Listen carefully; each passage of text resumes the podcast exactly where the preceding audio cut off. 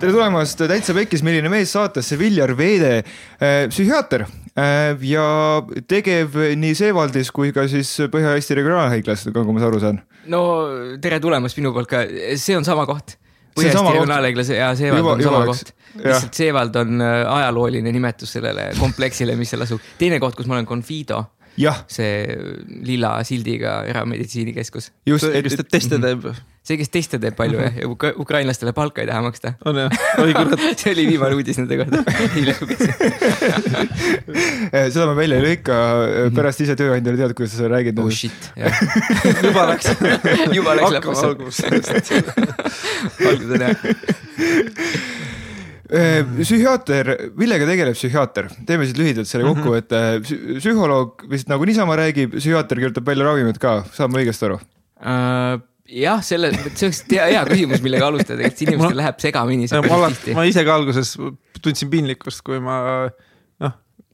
no aga jah. loogiline ka, sa ei pea teadma tegelikult siukest, iga, igaüks ei pea teadma seda mis see vahe on, aga noh, psühhiaater nii-öelda tegeleb äh, diagnostikaga hästi palju ja nii-öelda on selle noh, ravi korraldamisega ja siis ravimitega ja meditsiinilise poolega mm. -hmm. aga nagu teraapiaga, see actual nagu talking therapy või sellega tegeleb psühholoog. ja nii-öelda üldiselt on nii, et ei saa psühhiaater head tööd teha ilma psühholoogita ja vastupidi ka tihtipeale mm.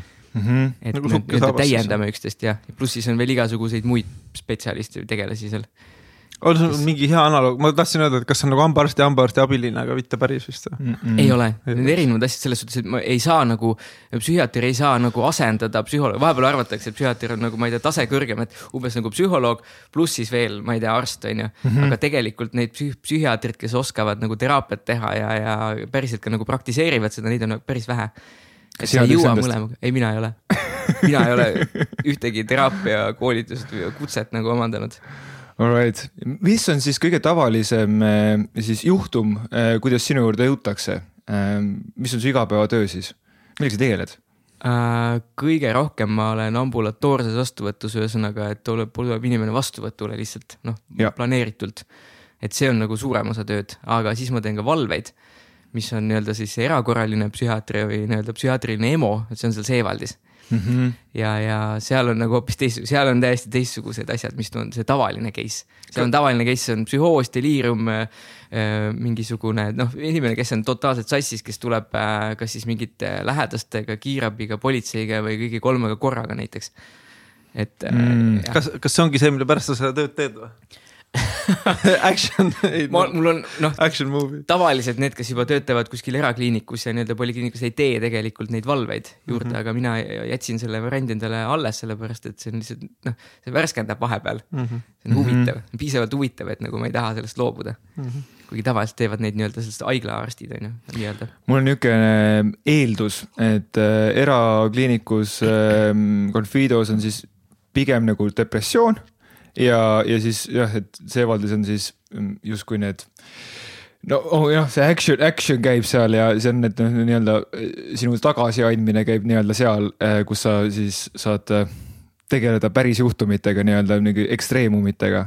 et eh, või, või, või see on minu siis eeldus, ma tahan võib-olla siis nagu saada ümberlüket vist otsin, et, et mis, mis see, et noh, et mis see igapäevatöö on erahaiglas, kes tuleb ja maksab ja ütleb, et tema tahab vastuvõtule tulla no tegelikult ega seal nii-öelda Haigekassa polikliinikus on, on suht sama töö tegelikult okay., mis seal noh, ainus erisus ongi nagu valve ja haiglatöö on teistsugune okay.. aga muidu tulevad mm. ikkagi inimesed vastuvõtule suht samade probleemidega, et on depressioon, on ärevushäired, on keskendumishäired ja on sõltuvushäired ja siis teisi asju on juba nagu vähem, aga noh, ka tuleb ikka ette bipolaarset häiret ja skisofreeniat ja ja mingid näiteks autismispektri häired ja sellised asjad ka. aga nii-öelda ärevus, depressioon, sõltuvus ja keskendumishäired, ma ütleks nagu põhi, põhilisemad asjad. katavad mm -hmm. nagu suur lõviosa ära sellest, millega tegeleda iga päev mm ma olen mõelnud, et miks sa valisid äh, või mis hetkel sa valisid selle, et noh, arstiõpe on kuus aastat, eks mm. -hmm. ja siis sinna otsa tuleb alles äh, erialaõpe, eks mm. -hmm. mul oli kaheksa, sest ma vahepeal kaheksa. olin ühe aasta olin kaitseväes, ühe aasta Austraalias mm. -hmm. et venitasin nagu lapsepõlve pigem et äh, miks sa nagu valisid just selle suuna, et miks sa näiteks günekoloogiks ei läinud? mm. ma ei saa aru, miks hobigünekoloog võib-olla aga ma arvan, et see juhtus kuskil mingi poole peal seal kuskil selles õppes, et äh, noh, tegelikult tekkiski huvi nii-öelda psühhoaktiivsete ainete vastu mm. -hmm. et, et hakkasin hästi palju lugema nende kohta ja siis, äh, ja siis nagu kujunes, kui psühhiaatria kursus juba oli, et, et siis oli see huvi nagu hakanud välja kujunema veel rohkem ja, ja siis ma olen kinnitust, et see vist on see eriala, et ma ei näinud ennast tegemas midagi nagu käelist väga. noh, kirurgina ma saan hakkama nii-öelda op operatsioonide assisteerimisega, mulle ei meeldi pisikesed sellised pisikirurgia asjad nagu näiteks mingi näpu ja näovigastused, et see on asi, mis mulle hakkab vastu mm. -hmm. ma ei tea, miks, aga näiteks suur kõhuõõs on lõhki lõigatud ja kõik inimene nagu soolikad laiali, see on jumala fine mm.. ma võin nagu tegeleda sellega, aga siis ei paku mulle nii suurt huvi, kui, kui pakub nagu psüühika ja aju. sest see on mm. nii-öelda, aju on kõige keerulisem asi, mida nagu mõista siiamaani mm. -hmm. veres siis pahaks ei hakka või? Mm,? üks, paar korda hakkas päris alguses, aga ma arvan, et iga kord, kui ma ka, kui meil neljandal või kas kolmandal või neljandal olid need praksid esimest korda, kus me pidime nagu operatsioonidele minema, siis ma vist esimesed korrad olin alati pohmakaga mm -hmm. ka ja mingi nelja tunni unega, et ma arvan, et see mõjutas, et paar korda läks pilt tasku küll ausalt öeldes, täitsa alguses mm. -hmm. aga mäletan, ühte korda see oli hästi palav, kostüüm seljas, neli tundi und ja noh, nii-öelda ei olnud päris kaine ka vist veel. -hmm. et see kindlasti mängis nagu rolli. Pohmakas on vist üks, üks osa sellest arstiõppest. Äh. Kind of jah, ülikoolis on see paratamatult igal pool mm. -hmm. nii et sind huvitab teadvus ja, ja psühhoaktiivsed ained, siin mm -hmm. täpsustame, kas, kas ma saan õigesti aru, et need on a la LSD-d, magic mushrooms, äh, kanep? kohvi et mis sinna alla läheb, mis ei lähe? Äh, kõik selles suhtes lähevad, et nii-öelda erialaselt peab teadma neid ravimeid ka väga põhjalikult. Right. et äh, ma ütleks, et selles suhtes noh, nii nii-öelda need, mis meil on ravimitena kasutusel, kui ka need, mis on nii-öelda uimastid, kui ka ja, ja seal on kindlasti osa asju, mis noh, on tulevased ravimid mm. -hmm. et nagu see -hmm. temaatika on eriti, mis mind on huvitanud. ütle, kui ma, mina suudaks võib-olla kümme, viisteist, kakskümmend ainet nagu loetleda, palju neid aineid nagu palju neid aineid üldse on siis nagu? kümme, viisteist, kakskümmend, mida sa proovinud oled umbes et, et mis on need ained, mis nagu palju neid aineid tegelikult nagu on, ütleme siis? oi jumal, neid on mingi tuhandete -hmm. kümnete tuhandete kaupa mm. -hmm. sest juba ainuüksi paar mingit juhtivat keemikut, noh, Šulgin näiteks mm, -hmm. ma ei tea, kui oled kuulnud mm -hmm. sellist tegelast, Aleksandr Šulgin. temal oli juba mingi kaks või kolm raamatut, kus oli igas ühes mitusada või isegi tuhat mingisugust ühendit mm., mida tema kõik ise oli ära proovinud ja siis need molekulaarmassid ja asjad sinna kirja pannud ja, ja nii-öelda need subjektiivsed efektid. aga et neid on ikka palju jah et ravimeid juba, ma ütlen, huvitav, palju võib meil olla psühhiaatrilisi ravimeid nagu Eestis kasutusele kätte saada, ma arvan, et hea küsimus, ma olen kunagi mõelnud selle peale mm.. ma arvan ikka mingi nelikümmend, viiskümmend tükki äkki. okei okay.. et igasuguseid. ja sujuvalt siin üle ketamiini peale siis või nii.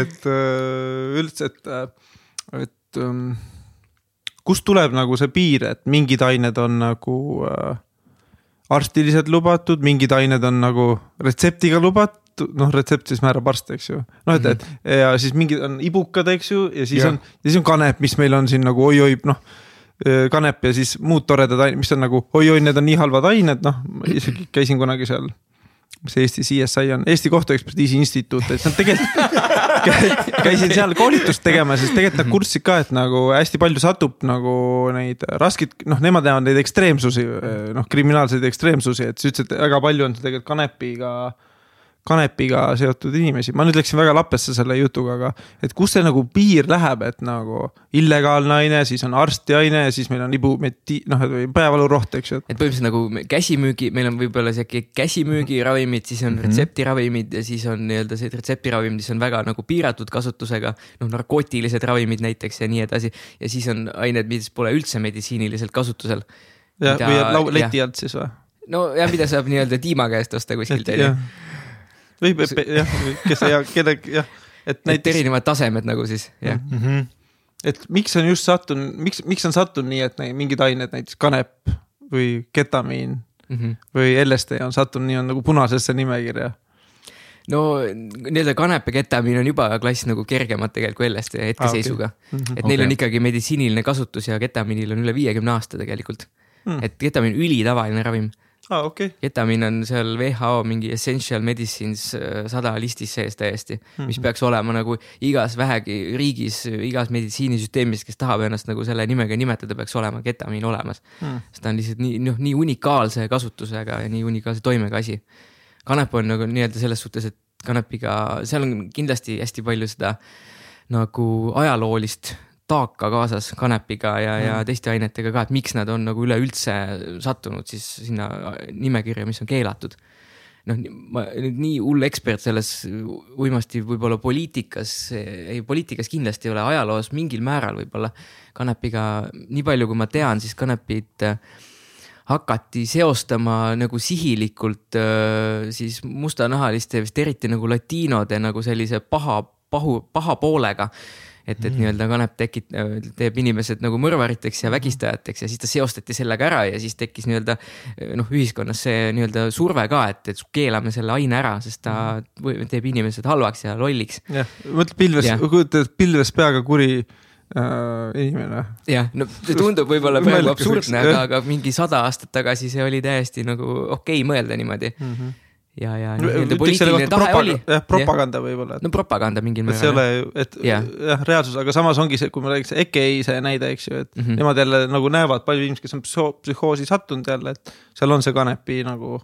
ei, on küll, ma näen ka selles suhtes nagu. ja, et ta, et ta kindlasti ei ole nagu ohutu aine, ta on üks päris hirmus aine, aga ta seal on, sa võib mõelda, et on teatud inimesed, kellele ta mõjub nagu mürk ja mm., ja siis on teised, kes võivad nii-öelda eluaeg kogu aeg suitsetada ja, ja natukene noh, võib-olla toituks jäävad lõpuks. Mm.. aga midagi hullu nii-öelda neil läheb psühhoosi sellest. Mm.. et midagi on ajuehitus nagu teistmoodi. Ja siis on mm. nagu noh, reaalsed case'id, inimesed, kes esimest korda suitsetab ühe korra jondi ja kohe plaks on psühhoosis. Mm. -hmm. ja sealt enam välja ei tule, see kanepi psühhoos on üldse nagu see on päris huvitav äh, nagu seisund minu arust, see on teistsugune kui see klassikaline skisofreenia tihtipeale. Mm.. et äh, mida tuleb meelde, päris head nagu äh, vanad arstid, mõned, kes on nagu töötanud mingi kolm-nelikümmend aastat ja, ja noh, suuresti näiteks ka sealsamas Seewaldis on, ma olen noh, rääkinud inimestega viimastel aastatel või, või ka residentuuri ajal niimoodi noh, individuaalselt ja päris mitu inimest on, et need, et nagu psühhoosid on muutunud ajaga nii palju tänu sellele, et hästi palju aineid tehakse tänapäeval. ja kanep on kindlasti nagu see number üks seal et vanasti nagu skisofreenia oli sihuke loogiline samasuguse kuluga haigus ja samasuguse kliinilise pildiga nii-öelda, aga nüüd on kanepipsühhoosid segavad nii palju nagu ära seda mm. et äh, vanasti nii-öelda võib-olla rohkem oli selline äh, jumal, kurat, mingisugused religioossed teemad äh,, kuuldi hääli, lihtsalt inimene oli paranoiline et ta oli suhteliselt samasuguses seisus, aga kanep tekitab nagu sinna juurde selle, et inimene on ühest küljest on paranoiline, aga ta on ka nagu nii-öelda selles suhtes suurusluuluga või maniakaalse luuluga, et tal on mingid erivõimed ja ta suudab nagu telepaatiliselt teisi äh, lugeda ja mõjutada ja, ja ühesõnaga see kõik läheb kompott nagu ühe, ühest küljest, et sa oled ülienesekindel, sihuke noh, haiglaselt nii-öelda enesekindel ja võimetega, teisest küljest oled sa hästi paranoiline, sind tahetakse tappa, su võimeid ära võtta. Mm.. et see on nagu selline reaalne äh, asi, mida näeb ja nad on hästi-hästi segases, hästi segased, nendega ei saa vestelda. et nagu tavaline skisofreenia, vaid sa saad temaga vähemalt üldiselt rääkida. Nii-öelda mm -hmm ja ta on suht samasugune molekusega kannabis, läheb nagu väga hulluks, siis ta on haiglas, ta tuleb välja, suitsetab varsti peale, on jälle varsti samas seisus nii-öelda, jah. aga mis, jätame selle ketamiini, see on hirmsa nimega mingisugune aine ja nagu. Nagu ei, sellest võiks rääkida kindlasti. sellest räägime, aga, aga mind huvitab nagu psühhoos ka, et, et mingid inimesed satuvad sinna, mina siin ükskord tegin, tegin ka siin, tegin jointi, noh, isegi olen mitu korda teinud, pole sattunud, on ju, noh, no tui-tui-tui, väga hästi on läinud, on ju, väga noh, tore on ju. ja siis nagu ja siis vaata, see, see annab mulle mingisuguse, paneb mind kohta, et oh, et kuidas mul on ikka vedanud või et noh, et või siis, või siis vastupidiselt, et noh, et ma nihuke noh, olengi superpower, ma, ma ei satu sinna psühhoosi või mis iganes luulud mul sellega tekivad, aga et mis, mis, mis, mis nagu peab nagu see eeldus olema või justkui, et äh, miks satub osa, keegi psühhoosi või see, seda me ei teagi täpselt? Äh, no põhimõtteliselt võib, ma jaotaks võib-olla kaheks need põhjused, et Aha. üldiselt on ikkagi midagi nagu arengus või, või varases lapsepõlves olnud nagu halvasti. et päris paljud inimesed ikka kuidagi nagu noh psühhotraumeeritud erineval moel, et kas see on vaimse vägivalla, hüljatuse, füüsilise, seksuaalse vägivalla all kannatanud tavaliselt just nagu lapsepõlves mm. -hmm. et, et mingid sellised asjad. mingi trauma on ikkagi. mingi trauma ikkagi peaks ja. olema, midagi peaks viga olema ja, ja siis on mingi osaga inimesi ilmselt nagu tunduvalt vähem, kellel on lihtsalt nii-öelda geneetiline mingi eelsoodumus selleks, et pole justkui nagu midagi viga. midagi pole juhtunud, aga on teada, et noh, perekonnas näiteks jookseb mm -hmm. skisofreenia kas see esimene siis põhimõtteliselt see, et tekib mingi kognitiivne dissonatsioon, et sa lükkad eh, mingi draama või mingi juhtumi a la niimoodi vaiba alla, et sa ei taha seda vaadata ja siis, siis nüüd kanepit suitsetades tuleb justkui see meelde ja tekib mingisugune niisugune, mis just juhtus olukord või? Äh, päris vist täpselt keegi isegi ei oska öelda, miks niimoodi on, aga, aga ma arvan küll, et see võiks olla üks loogiline nagu seletus, et noh, kanep mm -hmm. ka kui nagu psühhedeelikum või sihuke asi, mis ütleme mind manifestiga tegeleb, et toob mingisugused asjad või. Äh, noh, nii-öelda kas mälestused või, või emotsioonid või, või ka täiesti mingid kehalised nagu reaktsioonid ja. Mhm. välja, mis mm -hmm. on siis nagu äh, kuskile ära pakitud psüühika poolt, sest psüühikal on on nagu küll komme automaatselt hakata nagu sünnist saadik kõiki asju reguleerima selleks, et jääda ellu mm.. ja hästi palju on see, et hoida nagu nii-öelda suhet vanemaga või kiindumussuhet ka üks, ükskõik mis nagu hinnaga hoida seda, sest imik on nii abitu, inimene on ju kõige abitum olend üldse kõigist. Ma ei tea, aastaid ei suuda ju mitte millegagi hakkama saada. Mm., siis liikuda ei saa ju aasta aega esimesed aasta aega, siis ei leia omale süüa ja peavarju, mitte midagi, et see, see suhe vanemaga peab säilima, ükskõik kui nagu äh, düsfunktsionaalne see suhe on. Ja siis, kui sa nii-öelda kasvad sealt välja, saad teismeliseks piisavalt suureks, et, et võiks nagu elada normaalset elu, kui saad iseendaga hakkama, siis kogu see ajalugu nagu on sinuga kaasas. Ja siis äh, sealt äh, need äh, nii-öelda need mustrid jäävad nagu kestma. Ja ma arvan tõesti, seda võib nagu mõtestada niimoodi, et kui midagi on nii ära pakitud, et see nii-öelda see dissonants selle vahel, mis on su teadvustatud kogemus ja see, mis on sul seal nii-öelda alateadvuses on nii suur, et siis näiteks kanep võib tuua selle välja. Või mm -hmm. LSD või seened või, või mis iganes muud asjad ka siis mul tekib selle pealt kohe tekib sihuke küsimus, et, et kas seda saaks kasutada a la terapeutiliselt, et noh, et inimene ei tea midagi, ei mäleta oma mingisugust kogemust, a la mingi varajane vägistamiskogemus, mis ta on ära blokeerinud. põhimõtteliselt ta ei saa selle informatsioonile ligi, siis niisama igapäevaelu to toimetusi tehes a la alateadvus on ära pakkinud, ma nüüd kasutan väljendit, mida, mhm. milles ma noh no,. ma kasutan sama jah, et, et noh, et ei pääse noh, et umbes, et see, see, see igapäevaelu, see segaks, see kogemus, nii et ei vaata sinna ja siis, siis nagu, aga natuke mingi segab, mingi väike pinin on nagu justkui taga, taga mm -hmm. taustal kõrval, on ju. igapäevatoimetusi tehes, et kas see läheb, teeb kanepit siis mingisuguse, mingis facility's, mida kindlasti Eestis ei ole ja saab selle emo-, selle kätte ja kui keegi siis valvaks, kas see võiks olla siis tervendav?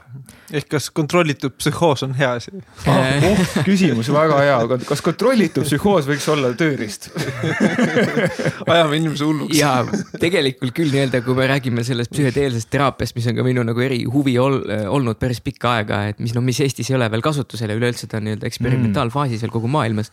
et siis see point ongi täpselt seesama, mida sa nagu noh, välja tõid nii-öelda. et kontrollitult, ettevalmistatult tuua neid nii-öelda kogemusi jupikaupa sealt välja, mis sealt tulla võivad.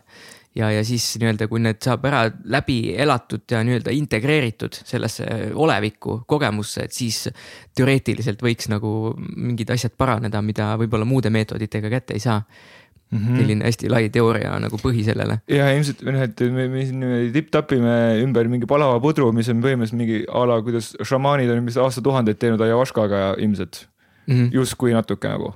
põhimõtteliselt ja midagi sinnakanti.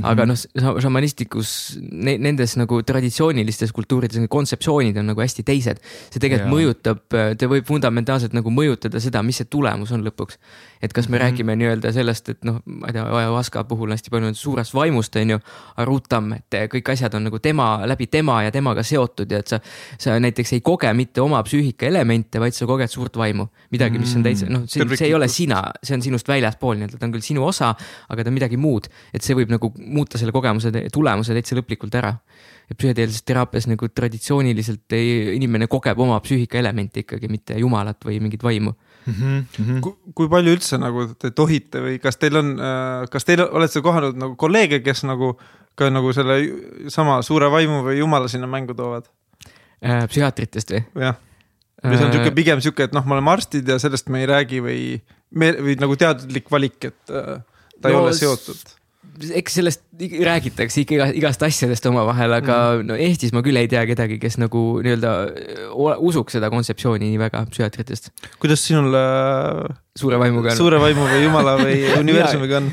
mina leian, noh, minu, mina leian ka, et see on nagu üks viis seletada maailma, aga minu jaoks ta läheb rohkem nagu religiooni sinna temaatikasse mm. -hmm. et noh, ma ei näe nüüd nii väga suur, kohutavalt suur vahe on tegelikult sellel, kas sa usud nagu Jeesus Kristusesse või suurt vaimu noh, seal on tegelikult vahe kindlasti, kui me hakkame sellest täpsemalt arutama ja eriti kui mingisugune noh, usuteadlane veel siia tuua, on ju.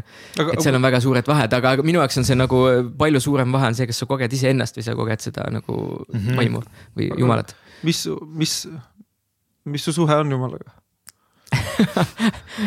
ma olen, mis see sõna on inimese kohta, kes pigem ei usu, aga jätab, ei, ei, mitte, äh, agnostik äkki või? agnostik jah jah ja, mm, -hmm. et ma jätan variandid nagu vabaks, aga ja. ma ei usu otseselt midagi, ma pigem ei usu mm. -hmm. jah no see on ikkagi hea teadlase koht või noh, situatsioon, kus olla, et noh, et sa vaatad ja teed eksperimente, aga, aga samal ajal noh, et ei pea ütlema, et kõik on nii, on ju, mhm. lõpuni selgitatud jah, teadlasena sa ei taha, väga harva saad midagi öelda, et see nüüd kindlalt ongi niimoodi mm. -hmm. sest kui teadusartikleid loed ka, siis kõik lõpevad umbes sama lausega, et see vajab ikka edasist uurimist, et päris täpselt või vajab suuremaid ja kontrollitumaid uuringuid ja parema metoodikaga kui see, mis meie tegime noh, mõnes mõttes on vaata hea, et nagu, et see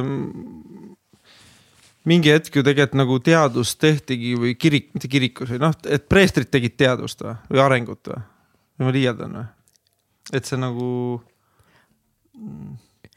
miks on tea-, nagu miks on vaja eraldada nii palju siis nagu teadus? ja religioon või? religioon, vaata enne me rääkisime siin enne kui salvestasid ka esoteerika, vaata mm. -hmm. küsime, mis on, mis on sinu jaoks esoteerika ja mis ei ole esoteerika uh,?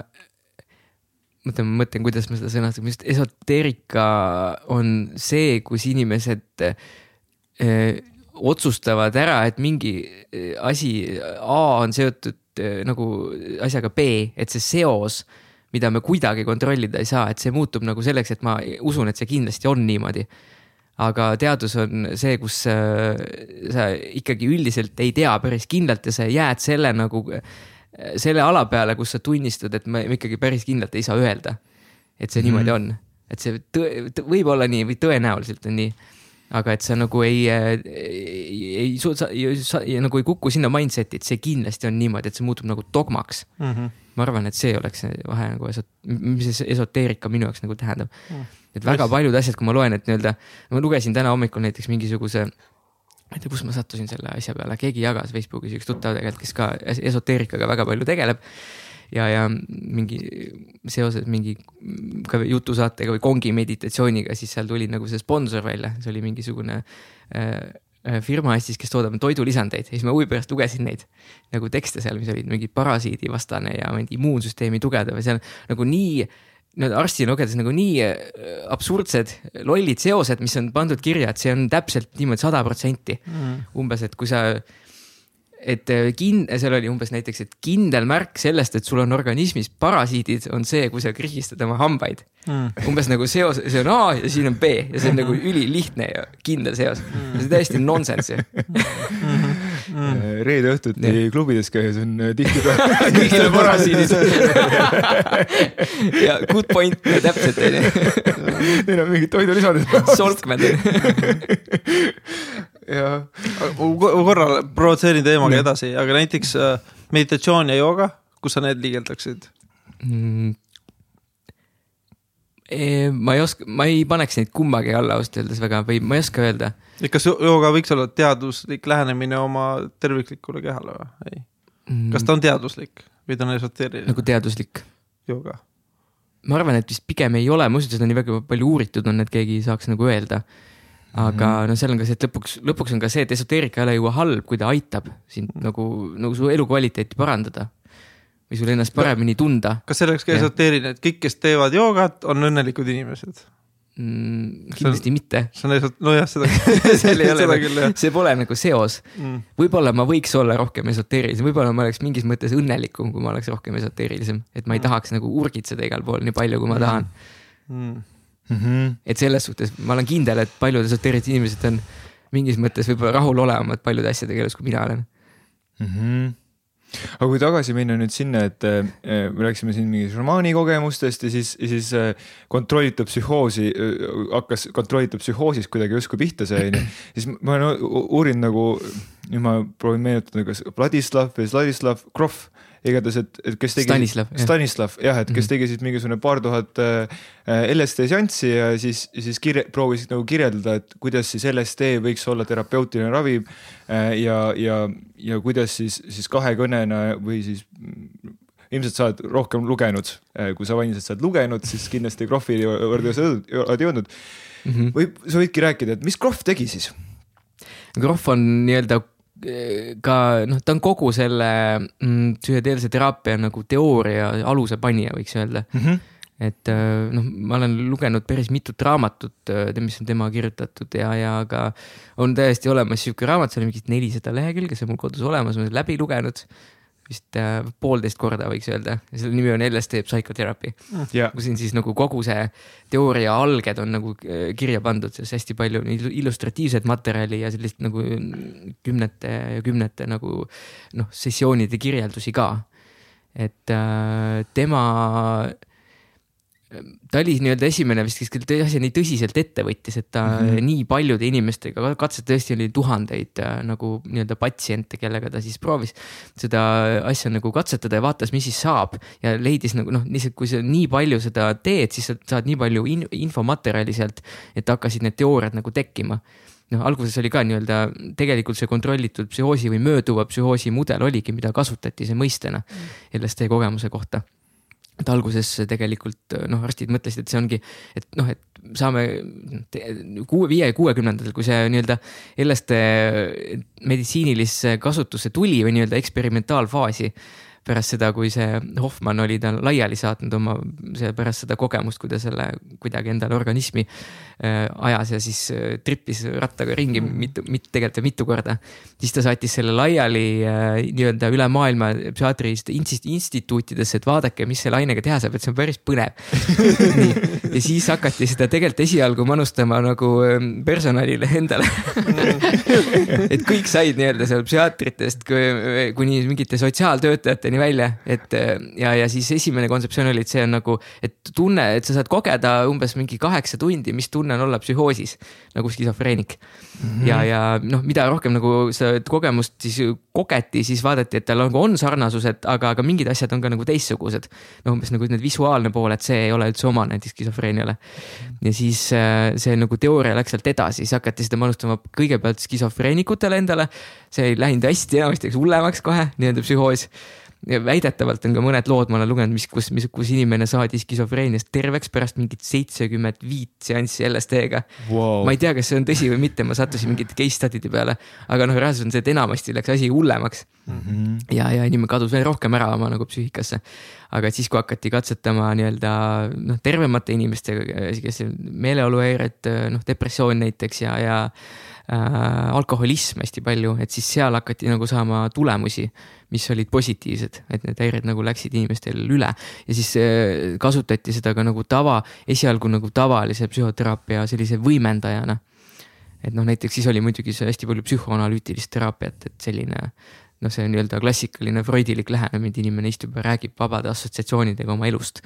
et, et mhm. siis nagu sellega väidetavalt läksid asjad paremaks aga et siis need nii-öelda hästi palju tähelepanekuid sellest, et mis seal nagu selle teraapia käigus toimub LSD kogemuse käigus, et seda, see oli see, mis Krohv nagu kirja pani. ja ta mm, võib-olla laias laastus, kus seletada, mis need LSD kogemused siis on ja mismoodi nad liiguvad on see, et kõigepealt inimene kogeb nagu võimendatult või, või saab nagu kätte rohkem neid kogemusi, mis tal on olnud äh, läbi nagu noh, reaalse elu nii-öelda autobiograafilised elemendid siis noh, alates ma ei tea, võib-olla siit hetkeseisundist kuni siis äh, varasemasse nagu ikka ja lapsepõlve siis äh, kesksel kohal, äh, seal sügavamal on nii-öelda sünnitusega seotud kogemused, et, et mm. sünnituse neli faasi et kõigepealt nii-öelda selline, mis sünnitusele eelneb, võiks öelda siis näiteks rasedus et, et nii-öelda selline mina teadvus puudub, inimene on üks emasorganismiga, see on väga, enamasti väga tore, meeldiv nagu faas või seisund, kus ollakse. et, et midagi tegema ei pea, chill'id seal lootevedelikus on ju, söö, toit, joog jookseb sulle navanöörist sisse on ju mitte millegi eest vastutama ei pea, kõik on tore, soojas, heas, heas kohas.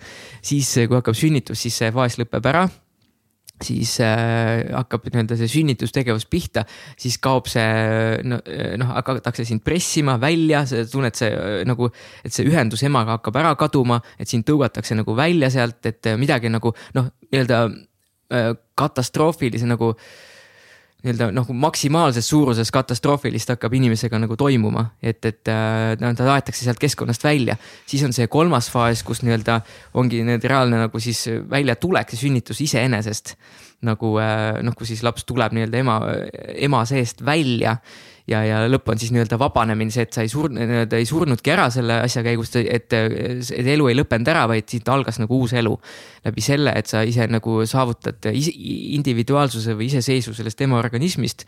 ja, ja noh, sa saad hakata kogema nagu positiivseid asju uuesti läbi selle, et sa oled eraldi nagu isik et äh, ja kui need asjad on läbi tehtud, siis noh, nii-öelda see klassikaline edasi sealt LSD-ga enam neid kogemusi kogeda ei saa, kui need on läbi kogetud, need peaks omama sulle siis mingit suhteliselt suurt tervendavat mõju mm. -hmm. Need, nende kogemuste läbitegemine on kõige olulisem, siis edasi on juba nii-öelda see kollektiivse alateadvuse kogemise faasid. et see on nii-öelda, aga seal võib kõik olla läbisegi, nagu see võib alata näiteks valest otsast ja, ja tulla need sünnituskogemused hiljem või, või mis iganes, et see reaalsus on tegelikult hästi nagu kirju, aga, aga nii-öelda üldiselt see dünaamika tema kirjelduses on selline. see mm -hmm. võtab ikka nagu korduvalt ja korduvalt äh, mingisugune ikka mingi kümme, kakskümmend, mitukümmend korda nagu selle aine tegemist, kellel on, mida tervem psüühika, seda vähem äh, on vaja nii-öelda LSD-d äh, teha, et sa jõuaksid sünnituskogemusteni, et need läbi teeksid mm. -hmm. mida haigem sa oled nii-öelda, mida rohkem on sul mingeid häireid, seda kauem läheb aega, et sinna jõuda, seda mitu rohkem on vaja kordi, et see sünnitusfaasid nagu läbi teha ka. see oli ka tema nagu teoorias sees päris nagu. nii palju jõhker. otsasid tekkis äh, mul kohe, et, et esiteks ju noh, et mul tekkis see ühendus, et okei okay,, et noh, et elu jooksul nagu mingid draamad on justkui ees selle enne sünnikogemust on ju.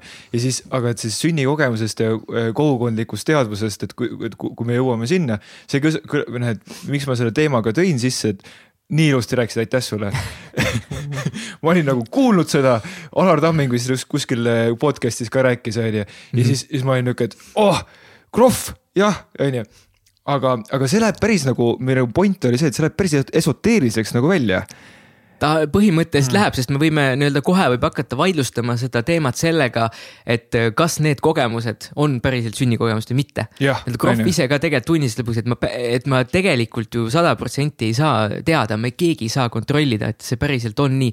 lihtsalt need mm -hmm. nagu äh, noh, tuhandete inimestega tehtud sessioonid annavad korduvaid kogemusi, mis kõige rohkem, kui hakata mõtlema, et millega võiks olla tegu, miks needsamad kogemused korduvad, see meenutab seda või kui nagu kõige rohkem, et see võiks olla tegemist nagu sünnitusega mm. -hmm. aga lõpuks, et keegi lõplikult ei tea, võib-olla mingid muud asjad, aga lihtsalt on, fakt on see, et samad kogemused korduvad inimestel, sarnased kõigil, varem või hiljem. et siis peab olema mingi, mingi nagu keskne point, mingi põhjus sellel, miks see niimoodi on jah, et päris huvitav, et kuidas teadus noh, et ka mõtteid on ju väga raske teaduslikult selgitada, et kas need üldse eksisteerivad. et kas mm -hmm. me üldse mõtleme ja, kust need mõtted tekivad, aga ometi me kogemuslikult kogeme mõtteid ja kogeme emotsioonegi, on ju. ja mm, -hmm. et ja noh, siis tuleme tagasi sinna, et jooga, et, et kedagi jooga kuidagi aitab ja sama, sama paneme klemmid külge, no täpselt aru ei saa, miks, miks see peaks aitama, on ju. Mhm. päris põnev. mõne jaoks on võimlemine jah. vanasti oligi võimlemine, inimesed käisid võimlemas, vaata mm. -hmm. vähemalt kui ma laps olin, siis ema käis võimlemas, aga siis mingi hetk nüüd inimesed käivad joogas. jah, jah, et, et see, sellega, sellega kuidagi saame jutu algusesse tagasi tulla, et, et, et see üldse psühhiaatria on päris selles mõttes väga huvitav nagu arstiala, et noh, et, et mu isa on kirurg, et ta, kui ta võtab mm. vähi nagu või noh, kasvaja inimeselt välja, siis see kasvaja on inimesest väljas ja kui inimene viie aasta jooksul ära ei sure ja kasvajaid juurde tekkisid, nagu inimene on terve. nüüd on see, et, et noh, et kuidas, kuidas siis depressiooni inimesest välja võtta? et kuidas mm. seda nüüd teaduslikult mõõta? No seda me saame küll öelda, et, ikkagi suht suur hulk inimesi, võib-olla ma ütleks mingi viiskümmend protsenti, kes tuleb äh, nagu ravile, et ikkagi ei lähe depressiooni teist korda elus. ma tead, äh, mõtlesin korra segan vahele. No.. terminid hästi lühidalt, depressioon, skisofreenia, psühhoos. Mm. -hmm depressioon on nii-öelda siis nii-öelda meeleoluhäire, tavaliselt põhi nagu sümptomid ongi see, et sul on kehv meeleolu kas sa oled kurb või oled ärritunud või mõlemat ja sa ei taha midagi teha, sul pole huvi asjade vastu. et kus see piir läheb just see, et ah et mul on lihtsalt sitt päev versus see, et mul on deprekas nagu? deprekas kestab, nii-öelda see noh, teaduslikult on tõmmatud see piir kahe nädala või et kui sul on kaks nädalat järjest kogu aeg on sellised sümptomid, et sind mingi asi ei huvita, sa oled kurb. võib-olla on sul nagu mõte, et sa ei taha elada, kõik on mõttetu ja see kestab kogu aeg vähemalt kaks nädalat, siis sul on depressioon aga alla selle siis on mingid äh, nii-öelda tavalised meeleolu kõikumised, mida nagunii kõigil on mm. -hmm skisofre-, psühhoos on siis nagu sihuke raske psüühikahäire, millel on iseloomuks, et inimene ei mõtle selgelt enam ja, ja tavaliselt võiks siis olla siis vähemalt äh, kas hallutsinatsioonid, mis on tavaliselt kuulmishallutsinatsioonid või siis ebarealistlikud veendumused nagu luulud, et, et äh, nii-öelda keegi tahab sulle halba teha, sind tahetakse tappa, sind kuulatakse pealt või, või sul on erivõimed või, või midagi sellist mm. -hmm. ja skisofreenia on siis, kui psühhoos nagu on krooniline psühhoos, et ta kordub mitu korda ja ja sa ei saa sellest kunagi nagu terveks ja siis sellega kaasneb ka muid nii-öelda probleeme. tavaliselt on see, et sa ei saa normaalselt hakkama enam tööga ja, ja noh, su keskendumisvõime, mälu lähevad pekki veits ja, ja sa ei suuda funktsioneerida normaalselt enam noh, näiteks töös ja suhetes. ja tavaliselt ollakse siis nagu vähem või rohkem nagu noh, töövõimetud töö, osalise töövõime peal mm., et, et see võiks olla nagu noh, see vahe nagu skisofreenia, krooniline psühhoos, muidu sama asi mm. -hmm ja siis me. mis see küsimus oli? sina küsisid terminite kohta. ja, ja, enne seda. just enne seda oli see, et, et viiskümmend protsenti inimestest mm teist korda enam depressiooni ei lähe, mis. umbes midagi. jah, jah, et äh, ja siis me ja sellest eelmine teema oli justkui see, et, et kuidas nagu äh, psühhedeelikumid äh, nagu teaduslikus maailmas, et noh, need on väga controversial või nagu, et, et noh, et kuidas me mõõdame empiirilisi kogemusi ja kuidas me teeme selgeks seda, et kontrollitud psühhoos on ravimeetod, on ju. Mm -hmm. kuidagi selle, see, siin me siin äh, hargneme, nii huvitavad teemad, ma ei oska midagi küsida, ma tunnen no, piisavalt rumalana. küsin võib-olla niimoodi, et, et kui ma näen näiteks, et mul lähedane, ma ei tea, ütlen ema mm -hmm. kammib, siis äh, ma ei saa talle öelda, kuule mine arsti juurde, tee hapet. noh, LSD-d siis, eks ei, seda ei saa no,. või mingi tuttav, et noh, et, et, et see on nagu noh, see minu asi ei ole seda diagnoosi või siis ravi, eks ju, määrata, aga nagu mm, -hmm. et ähm, mis see point on, no see, et nagu. kuidas teda aidata või? et see ainemaailm, et äh, ka mõelda, et, et mm, kirurg, no okei okay,, see kasvaja lõikab välja või no ma ei tea, mul läpp läheb katki, näpp lõigatakse ära, on nagu tehtud, eks ju, aga kui sa mõtled mm -hmm. selle vaimse ravi peale, mis vahest ongi nagu. et see ongi, et kus, et ta on nagu äh, justkui teaduslik ravi, sa pead ka määrama mingeid ravi oma patsientidele no,. ja siis teiselt poolt jälle sul on nagu esoteerilised arvam-, arvamised ikkagi, et nagu, et. ma ei tea, kas on esoteerilised jälle. ah, mida, et ma ei tea, kas on esoteerilised. no mitte esoteerilised, vaid nagu noh, et sa rääkisid, kui teha LSD-d, et siis on, saab seda laps mm -hmm. sünni, sünnikogemust kogeda, eks ju. väidetavalt jah. väidetavalt mm, -hmm. eks ju, et kuidas sa nagu teaduslikult, et siis ta ongi nagu. No mingid vennad uurivad seda juba päris tükk aega ka, et, et noh, Eestis on väga raske sihukest teadust teha, meil ei ole lihtsalt nagu know-how'd ja ei ole raha väga selle jaoks mm.. aga USA, Inglismaa, Šveits, need nii-öelda veavad seda noh, teaduslikku uurimust praegu kenasti nagu eest. huvitav, kas seal äh, mägede vahel Šveitsi laboris võib olla ka mingi, mingisuguseid uusi LSD-d, mis äh, lähed, lähed oma vana, vana, vana, vana, vanaema sünnikogemusesse nii tagasi või? no ma ei tea, neid aineid on küll igasuguseid, ma enamusi ju tegelikult ei tea mm., mis on ka noh, igasuguseid psühhedeelikume, mis võivad mm, -hmm. ma ei tea, mida iganes teha mm. -hmm. aga millegipärast ei ole noh, kõige rohkem huvi on ikka nagu selle psühhotsübiini vastu, LSD on nagu sealt eh, nii-öelda järgmine, võiks öelda mm. -hmm. Ja ket-, noh, ketamiin on, ketamiin on kolmas, mis on nagu teistsugune natukene, mis on ka noh, mis on lihtsalt hetkel nagu hästi palju kättesaadav, aga seda ei uurita nagu nii palju kui psühhotsübiini üld, üldsegi. selles, selles, selles mõttes, et sellega nagu sellist teraapialaadset asja teha mm.. et ketamiini manustatakse nagu niisama eh, noh, nagu tavalist ravimit praegu. Enne kui ketamiini juurde lähme, räägime siis mm -hmm. psühhotsübiinist natukene, et no. mis see, mis see on ja mis sellega tehakse praegult, et kui seda uuritakse? psühhotsübiin on nende allut-, no nii-öelda siis magic mushrooms'ide see toimeaine üks põhiline, seal on neid tegelikult veel, psühhotsübiini laadseid ühendeid aga, aga see on nii-öelda see kõige põhilisem, mis sealt on leitud ja, ja mis on sealt välja võetud ja siis mida sünteesitakse ja nii-öelda kasutatakse siis ravimina ravimiuuringutes praegu mm. -hmm. ja, ja on ka nii-öelda kaks siis äh, nii-öelda punti hetkel, kes üritavad sellest siis ravimit teha depressiooni vastu ja mõlemad teevad oma kliinilisi uuringuid. ahah kas seal ja. on see samamoodi, et keegi äh, terapeudiga lähed ruumi, ma nägin Netflixis mingit dokumentaali, kus, kus oligi, et nagu mingisugune ruum, pandi küünlad, pandi mingi väike äh, must, must mm -hmm. pandi peale siis mindi, mindi a la mingisse kogemusse, väga noh, lapsepõlve draama kogemusse ja siis keegi seal äh, silitas pead ja keegi küsis mingeid küsimusi. Et või see on depressiooniravim nagu äh, mina võtan depressiooniravimi, võtad kapsli sisse ja siis, siis nullib ära sul selle tuju ja siis kaks kuud võtad ja siis kuni otsustad mm -hmm. enam, et ei võta. nagu antidepressenti võtta no ei, ta ikkagi on see, nagu seal filmis oli, ma, ma tean küll seda dokumentaali, ma arvan et ta on ikkagi sellist moodi nii-öelda, et antakse ikka suurem doos ja minnakse sinna kogemusse sisse mm,. et mm -hmm. mikrodoosimine on ka väga teema, noh, mis on väga paljudele huvi pakkunud ja seda on ka Holl-, näiteks Hollandis äh, viimastel aastatel ka teaduslikult nagu uuritud siis nii-öelda noh, platseebo umbes, et inimene võtab neid kapsleid, kas see on platseebo LSD, tähendab, kas platseebo või siis väike kogus LSD-d või väike kogus psühhotsübiini. vaadata, et kas näiteks, kui sa kuu aega võtad, et kas depressioon ja ärevus lähevad paremaks.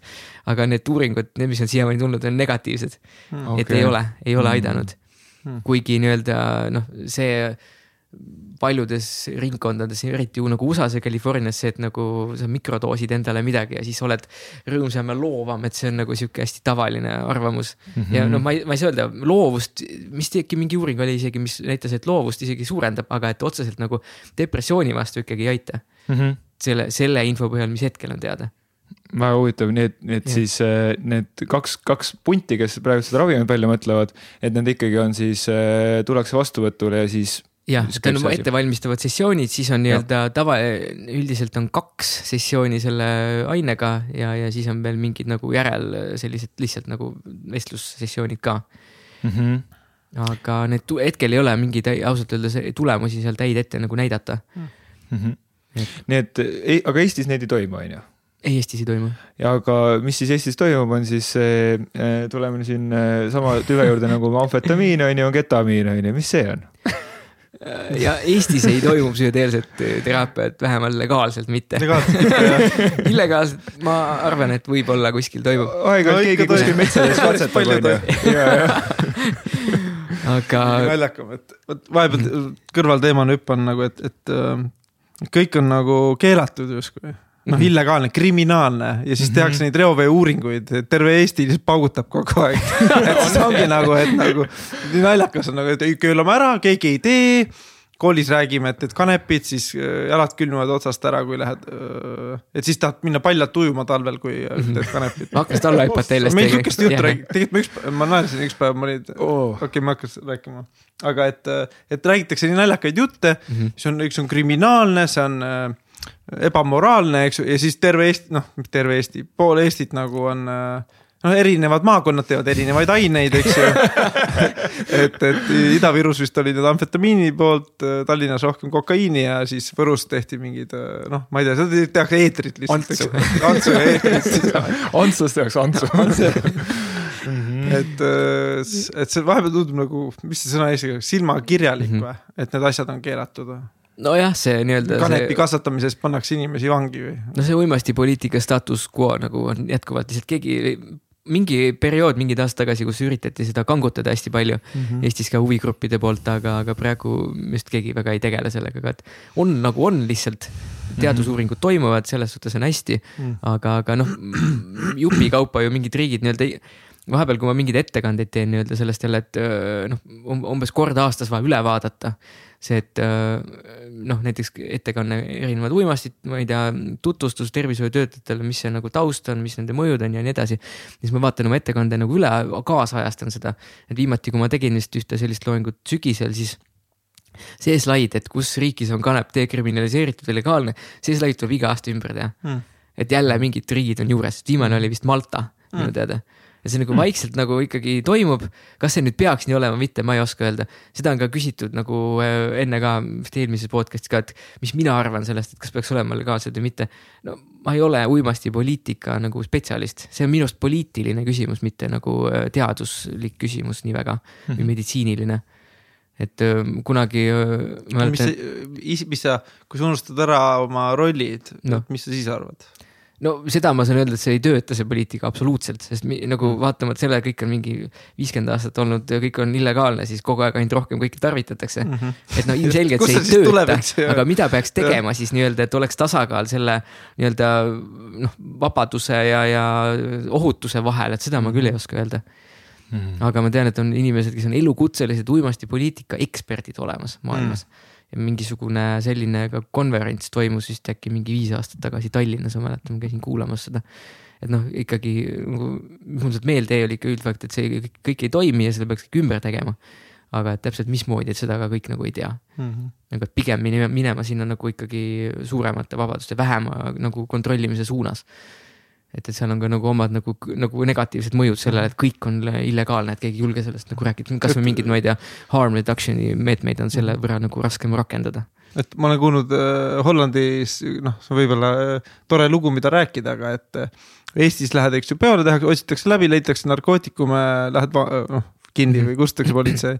ja Hollandis, et lähed oma narkoga sisse, siis äh, kontrollitakse ära, et ega see mingi sitt ei ole, mis sulle müüdud on noh, et sa saad teha narkotesti koha peal, et vaadata ära, kas see ekstasi on päriselt ekstasi, mitte et ta ei ole mingi muu äh, aine, mis võib nagu palju hullemat tagajärgi olla, et nagu see suhtumine on nii erinev ja, ja, ja.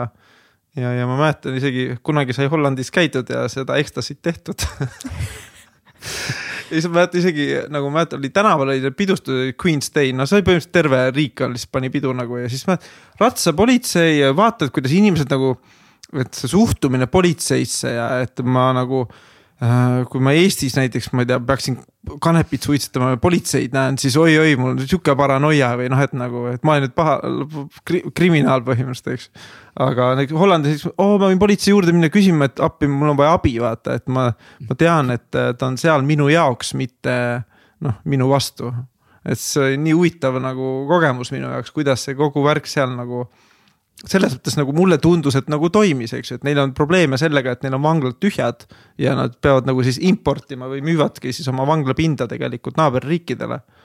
et neil ei ole nii palju vange, nagu, vange enam, sest äh, see nagu narko, narko narkoteema, asjad, mida inimesed niikuinii teevad ja see on nagu, saaks öelda, see on ka kompulsiivne või siis ka nagu häiritud käitumine, et nad, inimesed justkui ongi depressioonis või häiritud ja siis nad proovivad ennast ise ravida, eks ju. noh, mina täna, kui ma tunnen ennast nagu halvasti, tegelikult äh, mina ei julgeks kõndida Seevaldisse, et kuule, mul on abi vaja.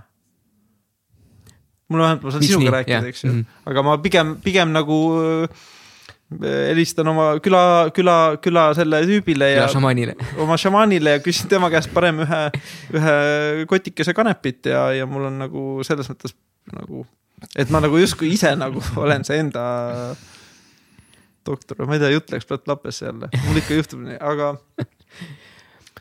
kas sina ei julgeks psühhiaatri vastuvõtule tulla? tead, ma olen kunagi, kunagi ammu käisin ühe korra, noh siis ma käisin vist mingi katsetasingi mingi kümmet erinevat teraapia vormi üldse.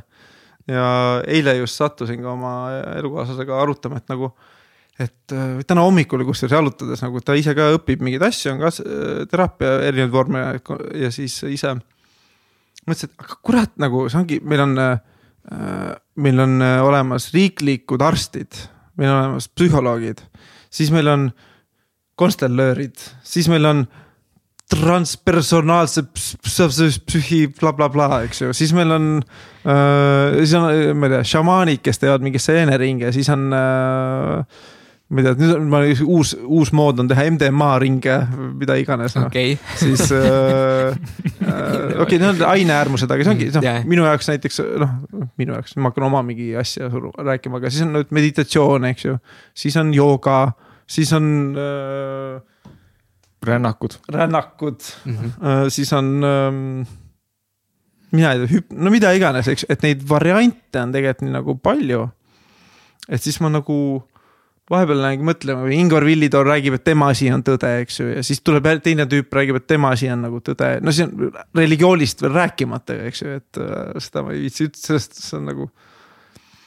see on mm -hmm. kõige naljakam minu jaoks, et äh, jah, aga. et kus see nagu on, et mul on sihuke, et kõik nagu, kõigil on ju sarnane eesmärk joosta, jooksed, et tahaks, tegelikult on ju, kõik tahavad inimesi aidata. jah, on, on, head inimesed on ju kõik. tunnen, et nagu vähemalt eesmärk on see, eks ju. -hmm aga et nagu, mis värk siis nagu on, et nagu esoteerikud, arstid, terapeudid, ise hakanud terapeudid, mina vahepeal nagu võtan selle rolli, õpetan, eks ju, sotsiaalmeediat ja siis mhm. pritsin sinna sisse mingeid nagu inimeste aitamise asju, eks, et proovin ise ka olla mingi coach või terapeut.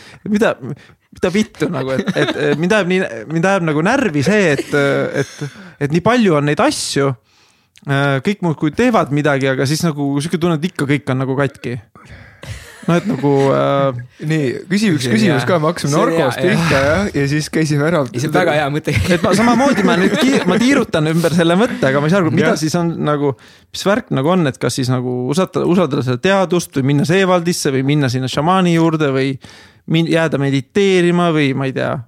mõned teevad siin üldse enesetapu ja mõtlevad, pääsevad sellest, eks ju üldse, et nagu ma ei tea ausalt öeldes, mida tegema peaks küsin niimoodi, et mis asi on see punkt või mis asi on see äh, pudru, mille ümber nad kõik tiirlevad siis? ja, ja, ja, ja miks on nii palju erinevaid siis nagu viise, noh, sina, sina lahendad teaduslikult, eks ju, uurimused, aga noh, paljud ei, noh, et mis värk on mis värk on ma ei tea, ma ütlen, võib-olla see, kas see põhiprobleem ei tule sellest, et me, kui no kõigil on vähem või rohkem midagi nagu viga või midagi nagu tahaks mingit lahendust mingitele asjadele enesetundes. aga me ei saa ju väga palju sellest aru, mis, kust need tulevad ja mida peaks tegema nagu.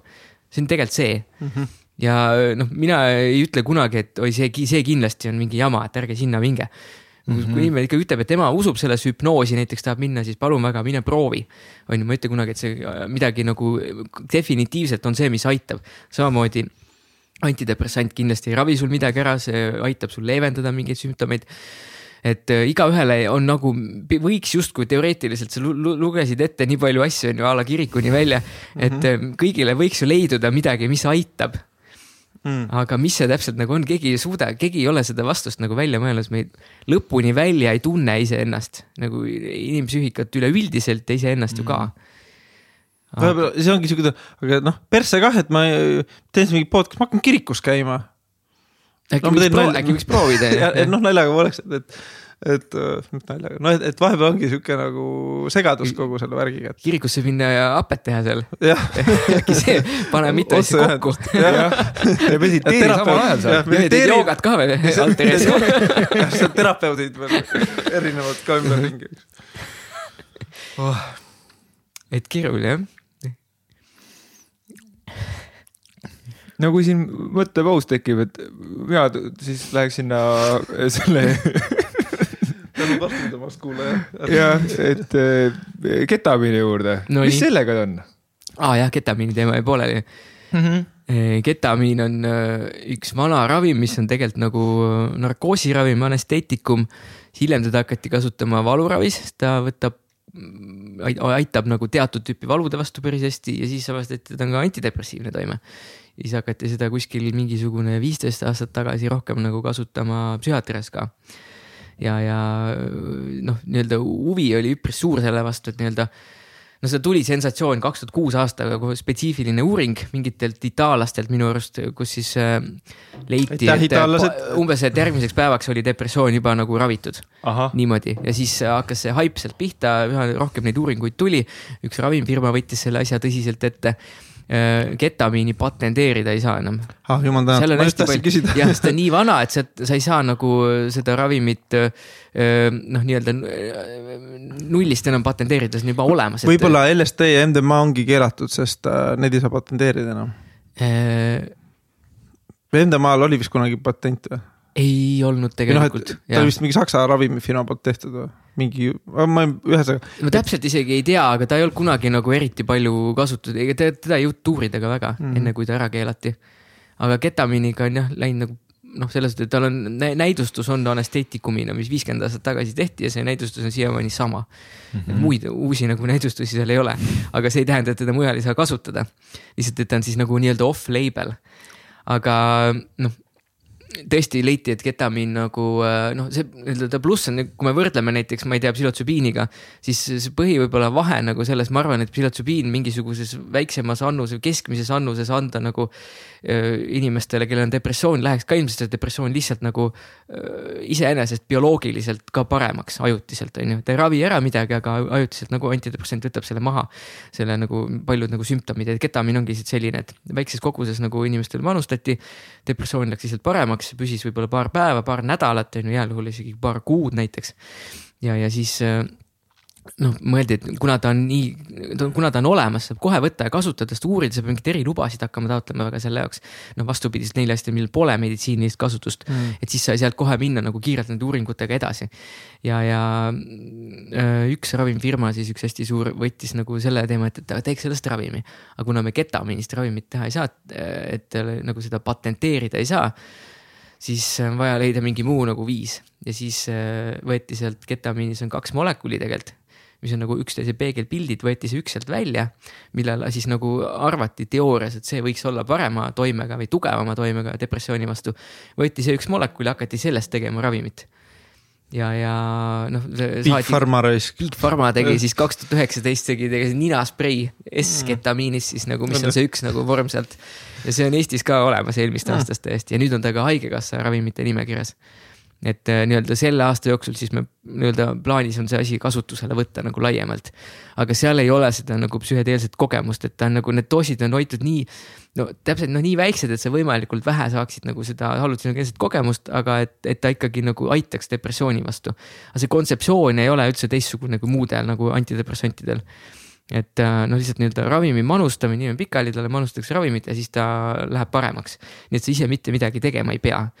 Et nagu selles päris psühhedeelses teraapias on alati see, et sa pead ise väga nagu olema ette valmistatud minema selle kogemusega nagu silmitsi mm. -hmm. ja, ja sa võid nagu fail ida seal päris korralikult ka. aga sellega ei saa väga nagu minna, et see töötab, lihtsalt töötab, töötab, siis ta töötab ja see on puht bioloogiline nagu mõju mm. -hmm aga noh, mina olen ilmselt nagu psühhiaatritest kõige rohkem selle ketamiini teemaga Eestis nagu tegelenud, noh kindlasti.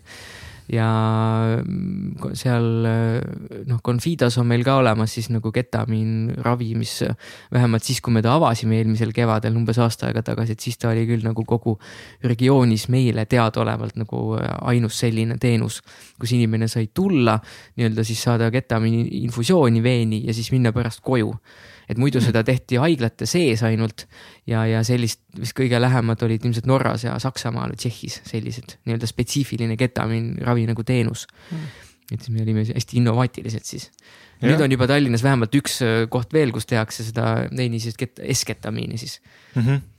Lähed ja. sinna, pannakse kanüül sisse Jep. ja kas sa siis seal voodis chill'id natuke aega ja, ja naudid seda, ma ei tea, laksu, keyhole'i või? nojah, mõni naudib, mõnel läheb, mõni läheb ärevaks või tunneb ennast imelikult kuidagi mm. -hmm. aga üldiselt jah, ja sa oled seal nii-öelda tund aega pikali ja, ja nõel on veenis, jookseb sulle kuskil nelikümmend minutit see asi sealt natukese füsioloogilise lahusega sisse mm. -hmm. ja, ja siis ma ütleks, et kuskil kaks kolmandikku inimesi saab nagu depressioonile päris palju leevendust ja kuskil kolmandik ei saa sellest ka mm. -hmm. hästi palju tegelikult tulevadki need, kellel on juba nagu umbes viimane lootus, et midagi muud enam ei oska teha. ja siis leitakse kuidagi see ravi nagu ülesse või suunatakse kuskilt teiste psühhiaatrite poolt, näiteks ma ei tea, regionaalhaiglast. et, et no umbes, ma ei tea, kõik on ära tehtud, elektriimpulssravi ka on ja see ka ei aidanud hästi, et, et või on vastunäidustatud, et siis proovime nagu seda. kas mm -hmm. viimase asjana tehakse siis lobotoomia? seda tehti ka, kusjuures USA-s oli kunagi lobotoomia buss mis sõitis mööda nagu väikseid äh, asulaid ja külasid ja siis inimese nagu nii-öelda skisofreenikute ja muude psüühikahäiretega kodanike siis pereliikmete või lähedaste palvel siis lõigati neil need ajusjuhtudel läbi. ja see vend läks pärast kinni, kes lobotoomia bussiga sõitis. mingi eesrindlik psühhiaater oli see. aga jah, enam ei tea. aga see on ikkagi nagu äh, ikka psühho-, psühho-, nagu nihuke psühhiaatriline ravi, et see ei ole niimoodi, et reede õhtu on ja siis keegi, mingisugune David tänavalt otsustas, et näed, mis teha, et noh, eh, tahaks mingit lahedat kogemust, et äh, helistaks Viljarile ja paneks natuke tuleks, paneks nelikümmend viis minutit äh,, oleks tilguti all. no meil on nii-öelda, on helistatud, ma tean küll sinna, et oh, mingi huvitav aine, et tahaks proovida tulla näiteks sinna sellele Confido kõnekeskusesse, aga no ilmselgelt see jutt jutt sinna jääb ka, et okay. ikka suhteliselt nagu rangelt valime, noh, see on ka, ta ei ole näidustatud nii-öelda, ta peaks inimene peaks olema proovinud näidustatud asju okay. kõigepealt, enne kui ta üldse nagu kvalifitseerub sellele mm. -hmm. et isegi kui ta nii-öelda, me ei, me ei taha ta raha nii-öelda, et umbes, et kõik, kes maksavad, et võtame kõik ravile, et ta võib olla nõus, et ma maksan teile kõik selle ravikuuri kinni, ega see odav ei ole seal käia mm. et see on kakssada eurot on nagu kord mm, -hmm. et lihtsalt ei, ei saanud nagu sinna nii-öelda ärimudelisse odavamalt seda teha aga et äh, noh, nii-öelda mm, ei saa iga, enam, paljud inimesed sinna ravile, kes isegi nagu küsivad mm. -hmm. tihti kõige parem, kui on suunatud teise arsti poolt mm,. siis on nagu kõige kindlam, et see näidustus on olemas mm. -hmm. ei jah, see võib-olla küsimus oli, oli naljaga, aga et, et, et jah, et kuidas, kuidas, kuidas nagu sinna ravisse jõutakse. ja, ja, ja aga on ka nagu üksikuid inimesi, kes seal elavad mingisuguseid nii-öelda lapsepõlve kogemusi läbi mm. -hmm. et see mhm. kuidagi oleneb hästi mingist nagu individuaalsest tundlikkusest, et on, on mõned inimesed küll, kes käivad hästi harva, näiteks ma ei tea, kord kuus hoiabki seda depressiooni, aga ärevushäiret näiteks kontrolli all suhteliselt hästi. iga kord siis nagu, no kui ma pärast nendega äh, suhtlen, et siis on jälle, et umbes mingi kogemus sealt äh, kuskilt sellest, kui ta oli mingi seitsmeaastane või kümneaastane või, või midagi sellist või siis mingid sümbolistlikud asjad toimuvad umbes, et. ma ei tea, midagi seotud, ma ei tea, peresuhetega või, või ma ei tea, lähisuhetega või eksabikaasaga või abikaasaga, et mingeid selliseid asju küll on mõnel mm -hmm. inimesel, aga enamus, enamus ei, ei, enamus ei koge, enamusel on selle väikese annusega on lihtsalt nii-öelda tavaline selline umbes, et nägemine on udune ja oled selline noh, no lihtsalt natukene nagu ära omadega või kesk, keha-vaimu selline suhe läheb natukene paigast ära mm. -hmm. sihuke dissotsiatsiooni nagu kogemus, aga et ei midagi rohkemat. enamikul on niimoodi on väga lahe siiski, et äh, uued viisid tulevad, kuidas mõtestada seda inimese kogemust, mida siin äh, noh. ja on see tegelikult, tegelikult rentisid selle kohta, et, et inimese, inimeseks olemise kogemus on äärmiselt veider no. ja, ja et. kõigil oma mingi mured.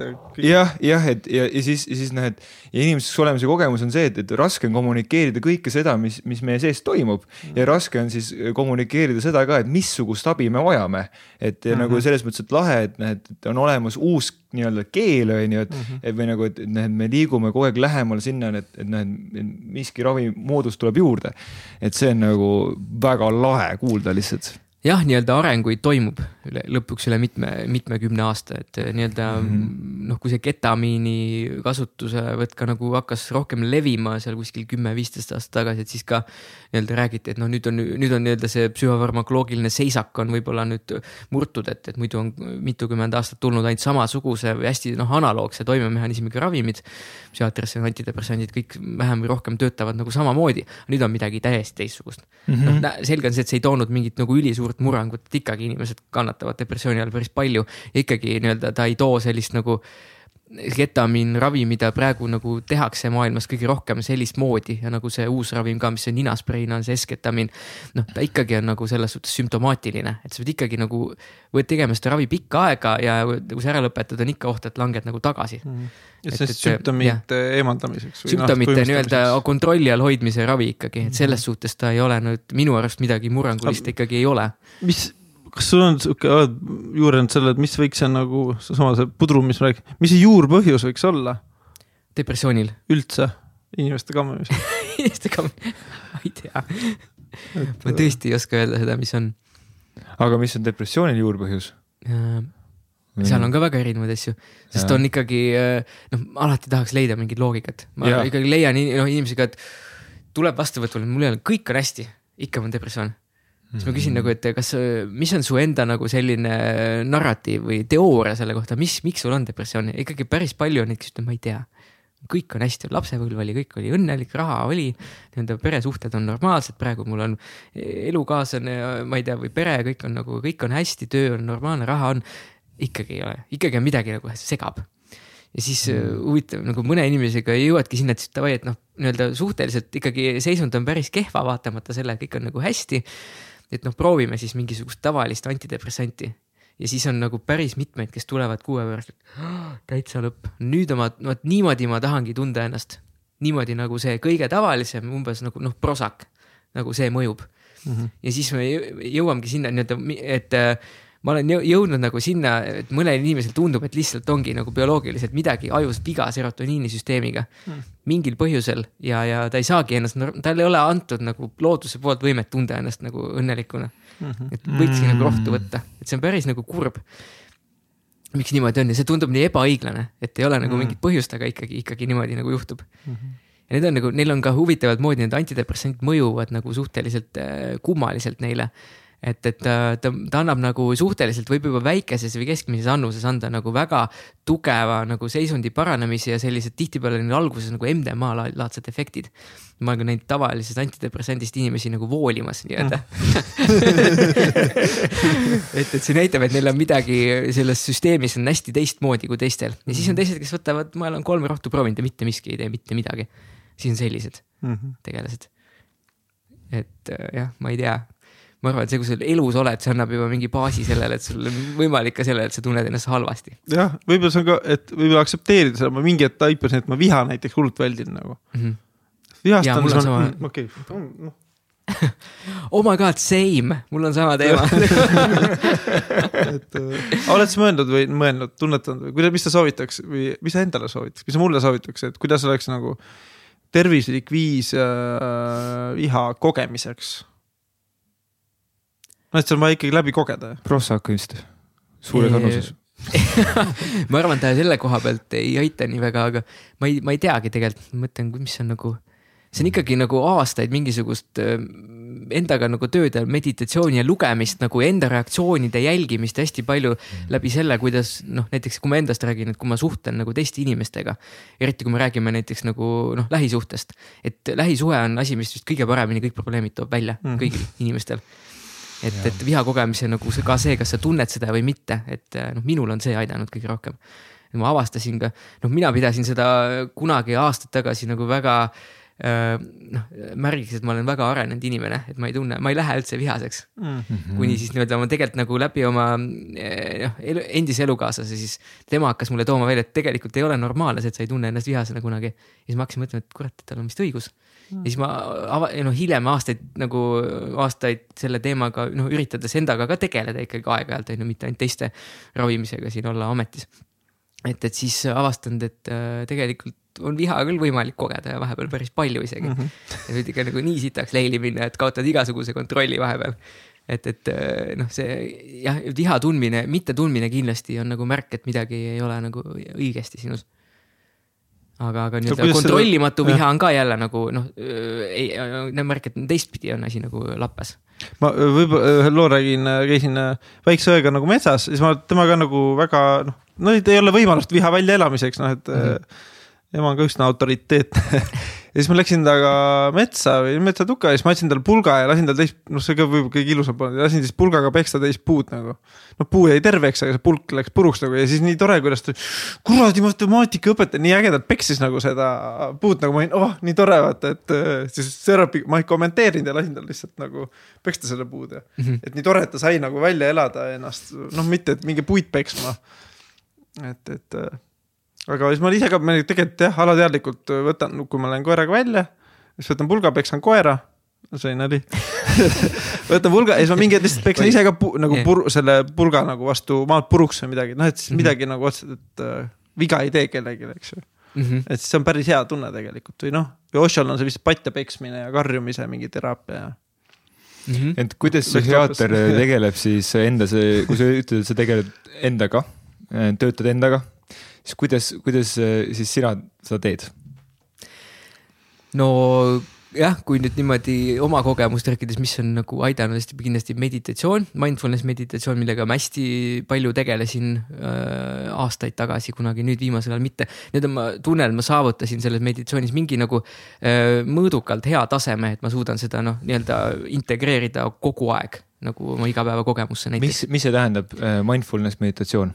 See teadveloleku meditatsioon, et mm -hmm. põhimõtteliselt nagu enda reaktsioonide teadvustamine ja jälgimine ja, ja noh, nii-öelda suurendad seda tõenäosust valida oma reaktsiooni mingile olukorrale.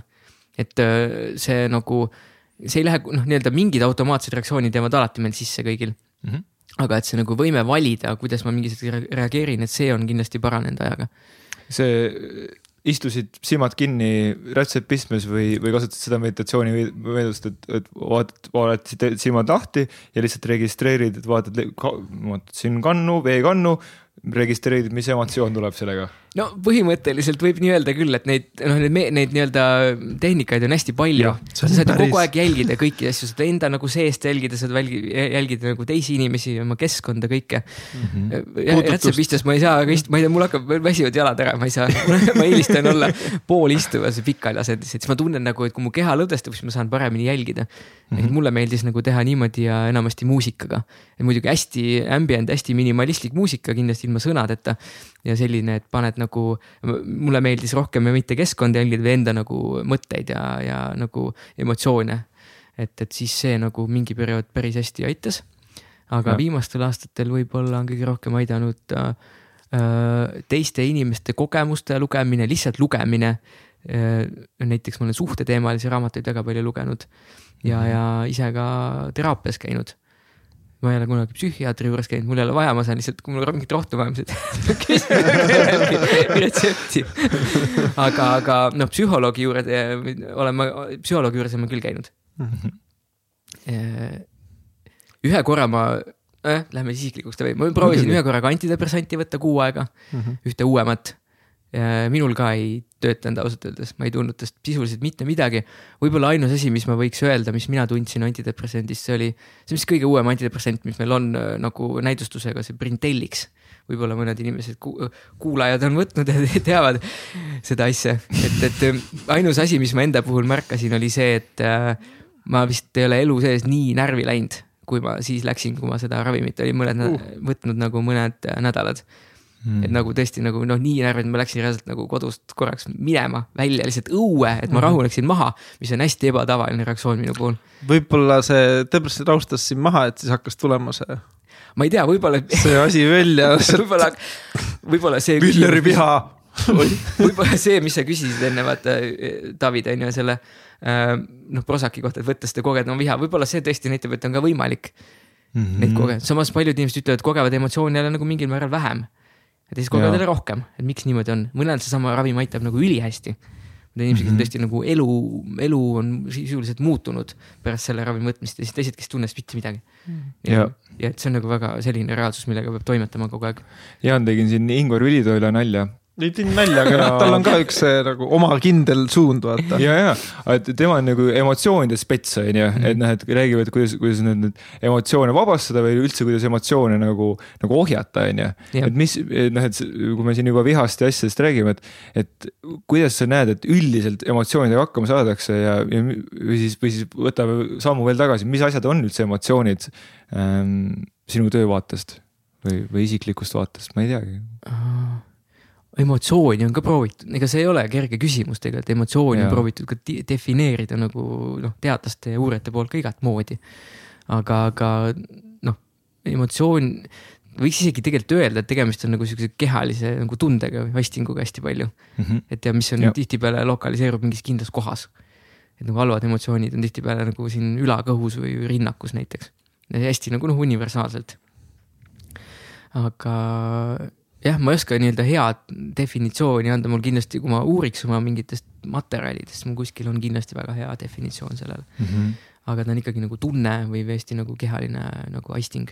see Ingvari teooria, või teooria või see, mida tema siis õpetab, on see, et ta jaotab kõik inimese nagu viieks, et on siis nagu keha, tunded, mõtted, intellekt ja siis noh, viies on siis see jumal või siis see kogeja või, et äh, tegelikult, kui seda kuulata, see on jumala hea ja ma olen paari, kuni neljanda astmeni käinud seal koolitusel, see on tegelikult nagu tore, aga siis samas nagu ikka nagu. et, et ma nagu ise jõuan, et ma tahaks nagu ter-, et nagu, et inimeseks olemise tervikkogemus nagu mm. -hmm. no see jaotus nagu tundub kind of loogiline niimoodi mm. -hmm. aga see on, ma ütlengi, et see on hästi, see on hästi nagu teaduslik lähenemine inimese mingi osadele, eks ju, aga mm -hmm. noh kas sa, sa ei, sa ei võt-, sa nagu ei noh, see on tervikkomplekt, et ma ei pane täna oma emotsioonid, ma jätsin emotsioonid koju mm. -hmm mõtted saatsin vanaema juurde ja keha läks äh, naistesse. jah, ongi, sellest kõik on nagu hästi tervik ja hästi seotud oma, kas ta jaga, oota eraldi oli jaotatud keha ja emotsioonid või? keha, see on nagu tasemed veel. mul tekib juba küsimus, noh, kuidas sa täpselt era-, eristad nagu seda taset, on ju, tema kindlasti oskaks seda väga kenasti seletada no, või on see loetud. teebki selle päevaga, päev aega seletab sulle, mis asi on keha, teine päev seletab mm, -hmm. mis asi on emotsioonid, kolmas on siis no ta on veel, et ma, keha on kõige madalam nagu. mina jälle mõtlesin, käisin jõuksis hiljuti. keha räpane, jah. et äh, mina käisin jõuksis hiljuti, mõtlesin, aa näe, ma tegelesin kehaga äh, ja alati kui ma tegelen kehaga, siis ülejäänud nagu, kui mu keha on joondu, noh äh,, siis mul üle, emotsioonid lähevad paremaks, mu mõtted lähevad paremaks, mu see märkamine läheb paremaks ja siis läbi selle ma olen nagu palju nagu toredamas nagu kohas tegelikult, ehk siis nagu, et no jah, Ingur ütleb, et see on hierarhiline et mm -hmm. siis mõtetega abil sa saad emotsioone juhtida, emotsioonide abil äh, juhi, juhi nagu juhib siis keha mm -hmm. ehk mhm. siis, ehk siis nagu, et justkui emotsioonid on siis loodusjõud, mis siis äh, kas viivad sind edasi, hoiavad sind alal või siis takistavad sind mm, -hmm. et need noh, et äh, laiskus on niisugune takistav emotsioon, elevus samal ajal on niisugune lükkav emotsioon mhm. mm -hmm. et aga noh, väga huvitav, aga see ei puutu võib-olla üldse asjasse mm. -hmm räägi mainetest edasi või see küsimus, et kas, enne, kas enne on emotsioon või enne on mõte, et see minu arust küsimus on täiesti vastuseta, et ma saan aru, et mm. Ingvaril on nagu oma teooria. et nagu emotsioon on enne kui mõte, mõttega saab kontrollida emotsiooni näiteks. aga, aga vastupidi võib ka toimuda. aga see võib toimuda emotsioon trigerdab mõtte, mõte trigerdab emotsiooni, et mõlemat pidi. ma arvan, et see võib mõlemat pidi käia tegelikult nii, jätame Ingvari rahule vist mm. -hmm. ta teeb vähemalt, ta peab tööd, noh, et. järgmine, järgmine külaline on teada vist ma olen mõelnud, tahaks teda kutsuda. Ja siis temaga, ma ütlen selle, see on, see on, mis mind torgib kõige rohkem võib-olla ongi see, et, et siis teeks temaga veel suitsu ka ja siis räägiks temaga emotsioonide juhtimisest. aga see on mu enda teema, sellepärast ta oleks väga hea külaline. Mulle ka see provotseerivaks, aga nii. teema jäi püsti, et kuidas psühhiaater Viljar tegeleb endaga. Endaga tegeleb ei, ma arvan, et ma loetlesingi enam-vähem üles nagu. et loed raamatuid ja, ja aeg-ajalt mediteerid? sa teed trenni ka ju, selles mõttes, kas sa selle võtad? ma teen ka nüüd jah, uuesti. otseselt, ja tegelikult isegi võiks mõelda, sest mm -hmm. ikkagi enesetunne, üleüldiselt tuju on küll parem, kui ma teen ikka trenni mm. -hmm. hiljuti ma näiteks, ma ei saanud mingi neli-viis kuud väga teha, sest mul oli seljavigastus.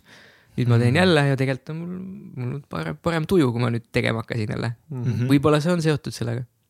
ilmselt on tegelikult mm. -hmm ja siis, siis on nagu see, et tegelikult psühhiaatri töö, et noh, kui sa räägid eriti sellest erakorralisest, kus äh, tuleb psühhoosis, äh, skisofreenikud, nii-öelda, kuidas sa pärast tööd jätad töömõtted sinna ei võta kellegi depressiooni mm -hmm., meeleoluhäireid kaasa, et kui terve päev järjest vastu võtad niimoodi.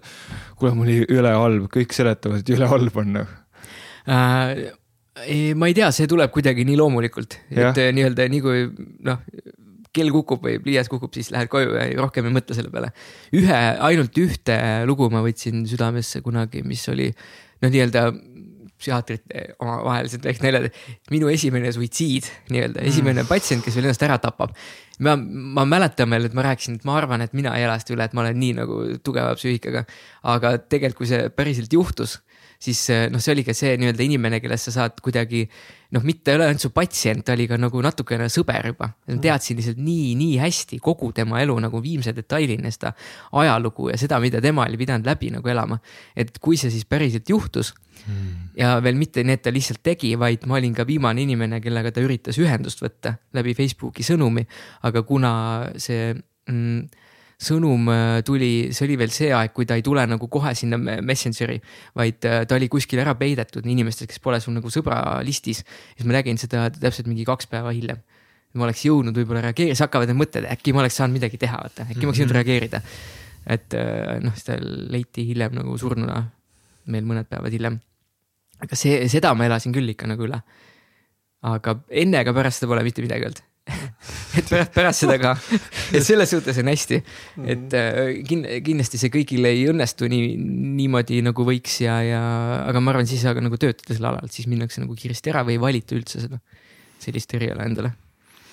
ja siis ma tahtsin küsida veel seda, et aga see on rets nagu, ma tahtsin ühes teemas kohe ära minna, üldse ei taha ette kujutada seda.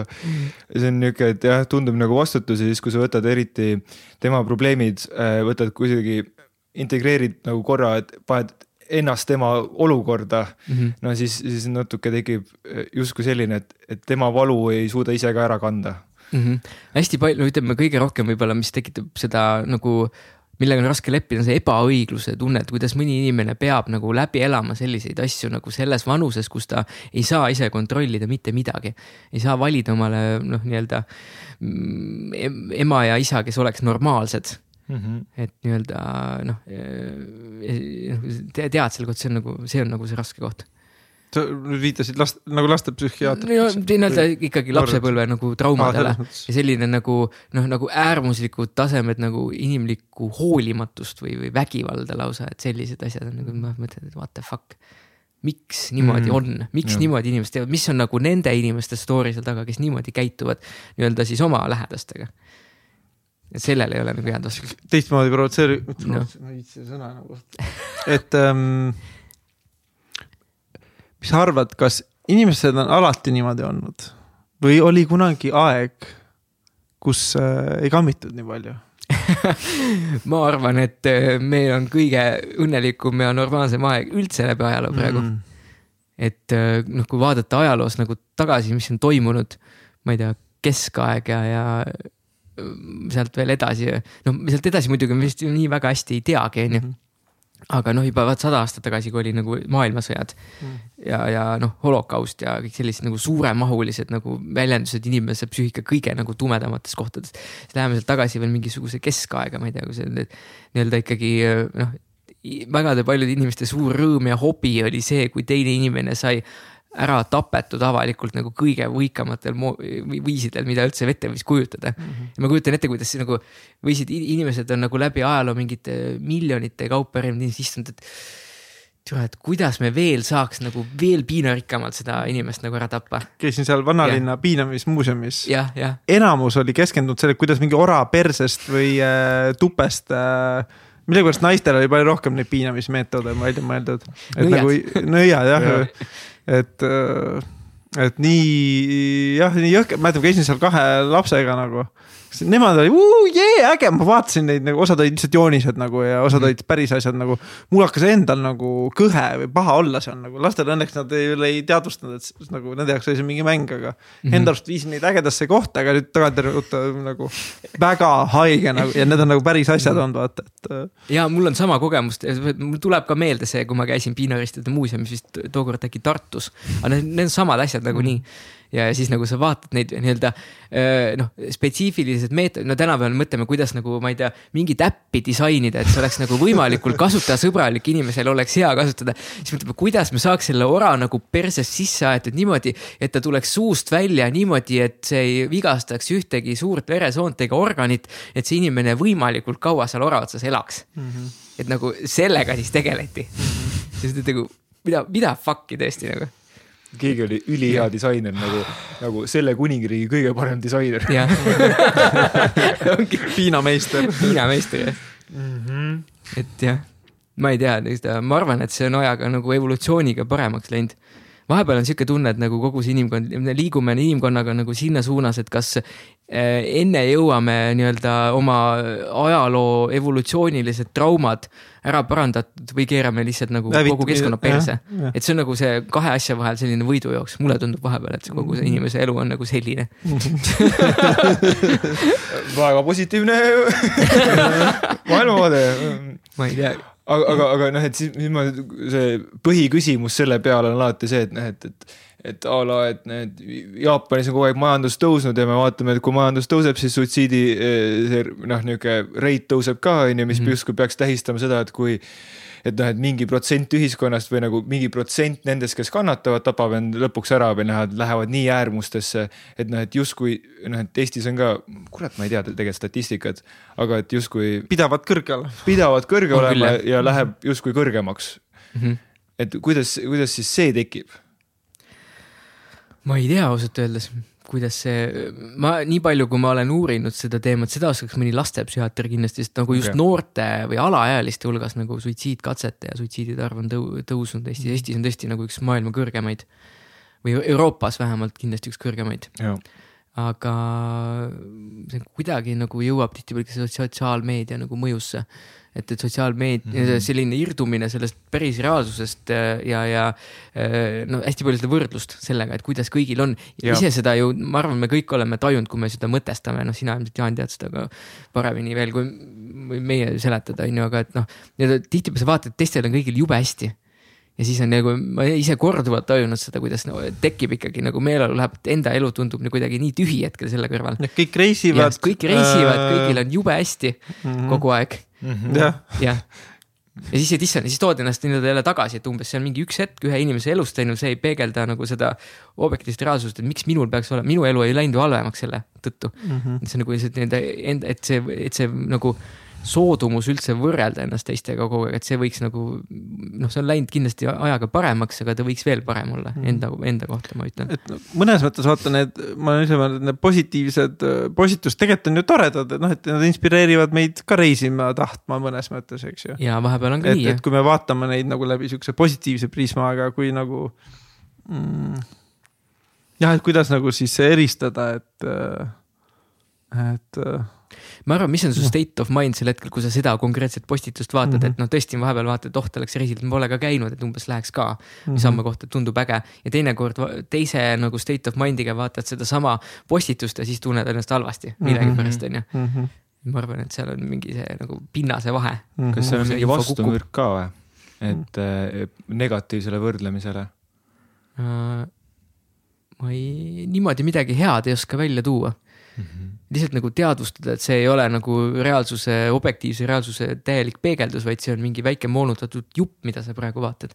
ja siis tood ennast nagu tagasi sealt jälle mm -hmm. uuesti, uuesti, nii kaua, kui see muutub nagu automaatseks. et sa ei lähe kaasa sellega. või siis, kui mõelda, et, et Jaanil on, Jaanil on kuu-seitse, mul ei ole, on ju ülinõme, et mul ei ole kuu-seitset, on ju, mhm. et äh, tahaks ka, on ju, et noh, et mul on elu nii nõme ilma kuu-seitsmeta. aga et võib-olla, võib-olla praegult tekkis, et äkki see vastumürk on see, et ma mõtlen, et kui tore mul on see, et äh, mul on siin käsi otsas ja et noh, et leida see mingisugune tänulikkus, et ma, ma ei tea, hingan ja mingisugune, no natuke esoteeriline, aga et et leida see, et mul on riided seljas ja ma saan siin, mul on, mul on soe olla ja mul on kõht täis ja, ja Viljar räägib siin toredat juttu ja Jaan on ka minuga ruumis ja vot see vend, kellel on kuus-seitse, on minuga ruumis ja räägib minuga juttu, et kurat, ma olen ikka päris tore vend aitäh, aitäh, aitäh, onju. jah no see jah, ma arvan, et see võiks ju toimida tegelikult, aga, aga kui sa nagu mõtled seda nagu stru. Mõttestruktuuri, mis seal taga on, et sa ikkagi võrdled nagu ennast milli, mingi asjaga. et sa enne võrdled ennast nagu mingisuguse asjaga, mis on sinust nii-öelda parem. nüüd sa võrdled ennast kellegagi, kes on sinust halvem, et sa mm -hmm. nagu su enesehinnang ronib ikka mööda sama redelit pidi nagu lihtsalt suund on teine. et miks nagu mm, -hmm. kuidas nagu saavutada seda, et lihtsalt tunda ennast nagu normaalse täisväärtusliku inimesena lihtsalt nagu niisama, et see on sulle antud nagu kuskilt jumalast või loodusest või nii-öelda sünniga kaasa, see õigus nagu olla normaalne ja tunda ennast hästi mm. -hmm. et kuidas seda nagu automaatselt saavutada. ma tean, see on perioodid, kus see tuleb väga hästi nagu välja endale ja siis on, tuleb jälle periood, kus ei tule välja mm. -hmm. nojah, sellega vist tegeleb mitu miljardit inimest, kes nimetavad ennast budistideks, on ju. ja siis tuleb religiooni juurde tagasi, on ju, et. Äh, mis aineid sa Putinile kirjutaksid?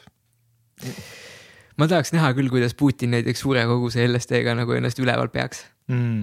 et mis sealt. paneb nagu seda punast nuppu ja, ja, ja need. Äh, tuumapommid kõik aitab, kõik traumad tulevad talle esile see noh, seda te ilmselt äkki olete kuulnud, sellest on isegi mingi terve raamat meelest välja antud, Hitler, kuidas oli ju metamfetamiinisõltlane. jah. ja, ja, ja huvitav, kas, mis on Putini lemmikdroog mm., kas see on vodka või? Või midagi, midagi kangemat ka, ma arvan, vahest läheb äkki mm. -hmm. no e-, ega sa ei saa ju suurriiki hoida noh, kaine peaga. ma arvan, et see on vaja ikka veits jah, abi. huvitav, et on nagu, et ma ütlesin, et dikta-, diktaator versus nagu parlament, eks ju mm. -hmm. et mõtle, sa pead üksinda, oled nagu püramiidi tipp, et tegelikult see võib päris nagu koormav olla. jah. et, et, et huvitav, et, et maailmas on, on inimesi, kes tahavad sinna võimupüramiidi tippu ronida nagu. ja siis teised ei taha. näiteks mm -hmm. ma ise mõtlesin üks päev, et või noh, abikaasa kommenteeris, et äh, ma võiks poliitikuks hakata, ma ise ka mõtlesin selle peale. kõnnin tänaval tegelikult ja ma ütlen inimestele tere väga tihti nagu, võõrastele inimestele nagu. no mitte, korraga jalutan niimoodi, et ja, ja minu meeleseisund paraneb, teise inimese meeleseisund paraneb, kõik tulevad korraks kohale, vaata. sellesse mm -hmm. hetke oma mõtetest nagu ära ja tegelikult selles hetkes on kõik nagu hea olla. ja siis mõtlen, kui ma kunagi peaksin minema, ma ei tea, juba Eesti valitsus, rääkimata mingisugustest, ma ei tea, Europarlamendis, peaksin mingi Eesti äh, valitsusse või äh, parlamenti minema, see tundub täielik tsirkus, ma ei tahaks sinna minna, see on täielik debiilikari minu arust. Sorry, et nagu, mis seal nagu toimub nagu, et äh, okay., juba... ma üldistasin praegult äh, tervet äh, meie rahvasaadikuid äh, paari üksiku mäda äh, jah, midagi nii öelda, kõik on tegelikult head inimesed ja tahavad head, eks ju, aga miks see, miks miks mulle tundub, minu, see on minu nagu, miks mulle tundub see võimumäng seal täiesti nagu äh, arulage või nagu tsirkus, et äh, ma ei tea, mina ka ei tunne, et oleks nagu vaja ronida kuhugi väga kõrge koha peale. aga mis no, nende nagu inimeste pea, kas, ma küsin, kas sul on mõni poliitik sattunud ka sinna uh, osakonda või? vist põhimõtteliselt, ma ei tea, kas päris poliitikuid, mingeid kõrgeid et kas see võimu tagaajamine on ka mingisugune nagu no, häire või mitte? no ta nii-öelda nartsissistlikud jooned ikka kindlasti on ja noh, Putinil ka kindlasti on neid palju mm, -hmm. need, et sul on vaja olla kogu aeg kõige nagu olulisem, su enesehinnang nagu elab selle peal, et, et sa saad olla, seesama see võrdlus on hästi nagu suur teistega, et sa pead kogu aeg olema parem, aga sa kunagi ei ole rahul tegelikult. kas ma olin praegu narsis, ma panin, ma olin nartsissist, sest ma alandasin poliitikuid, et mina olen nendest parem äh,? võimalik kusjuures on küll jah, midagi salaja peidus mm. -hmm et jah, et ma olen parem kui need mädaõunad seal mingid et minul ei ole vaja seda. aga. aga samas mulle meeldiks jah, täiega, sest mulle meeldis äh, see, et mul oli tore kogemus äh, ülikoolis, kus ma sain olla üliõpilase esinduses ja ka äh,, mis ta on siis äh,. Eesti üliõpilaskondade liidu osa, volinik nagu, see oli kuuskümmend inimest justkui ma olin ka siis üks saadikutest. ja siis meil kõigil ühine eesmärk oli äh, kool nagu seda siis ühesõnaga Eesti tudengite elu paremaks muutmine. ja, ja üldjuhul see niimoodi nagu ka toimiski, et seal ei, ei olnud seda nagu võimumängu, vaid oligi nagu, okei okay,, joniti ikka seal omavahel, eks ju, aga, aga seal nagu ei olnud sihukest nagu, et ma tundsin, et seal tehti ühe asja nimel, aga kui mindi nüüd edasi sinna riigi tasandile paljud sealt tuttavatest, kes seal läksid, siis mul nagu, neil sõitis nagu katus ära nagu minu arust, minu arust. Pole ei sõitnud. ju seal oli see alge ikka all olemas ka, et, et sa tahad nagu ikkagi pildil olla ja tähtis olla, muidu. ma arvan, et poliitika tõmbab väga selliseid, selliste isiksuse joontega inimesi, kes tahavad olla nagu tähtsad mm.. ja, ja ilmselt paljud, kes oleksid väga mõistlikud ja head poliitikud, nad ei lähe sinna lihtsalt, et nad ei tunne vajadust nagu noh, nii-öelda olla pildis kogu aeg no mõtle, et, oleks kindlasti et, nagu väga head. et saada nagu rahva eest äh,, rahva eest, no ütleme, et riiki juhtima inimesed, kes nagu äh,, kuidas öelda. et nad ei ole seal selles võimumängus või nad ei taha tähtsad olla, aga. ah, ma ei tea. see, minu arust see süsteem ise nagu, äh, see süsteem ise nagu ei soodusta seda. jah, et ja. nagu oi, me läksime, kus, me oleme, kus me selle teemaga nüüd jõudsime korrasin küll. ei no doktor on ruumis, siis tulevad mm. ikkagi noh, tuleb kõik südamelt ära rääkida, nagu küsida küsimusi, rääkida lihtsalt südamelt ära mingid asjad, et see on niisugune hea moment, onju.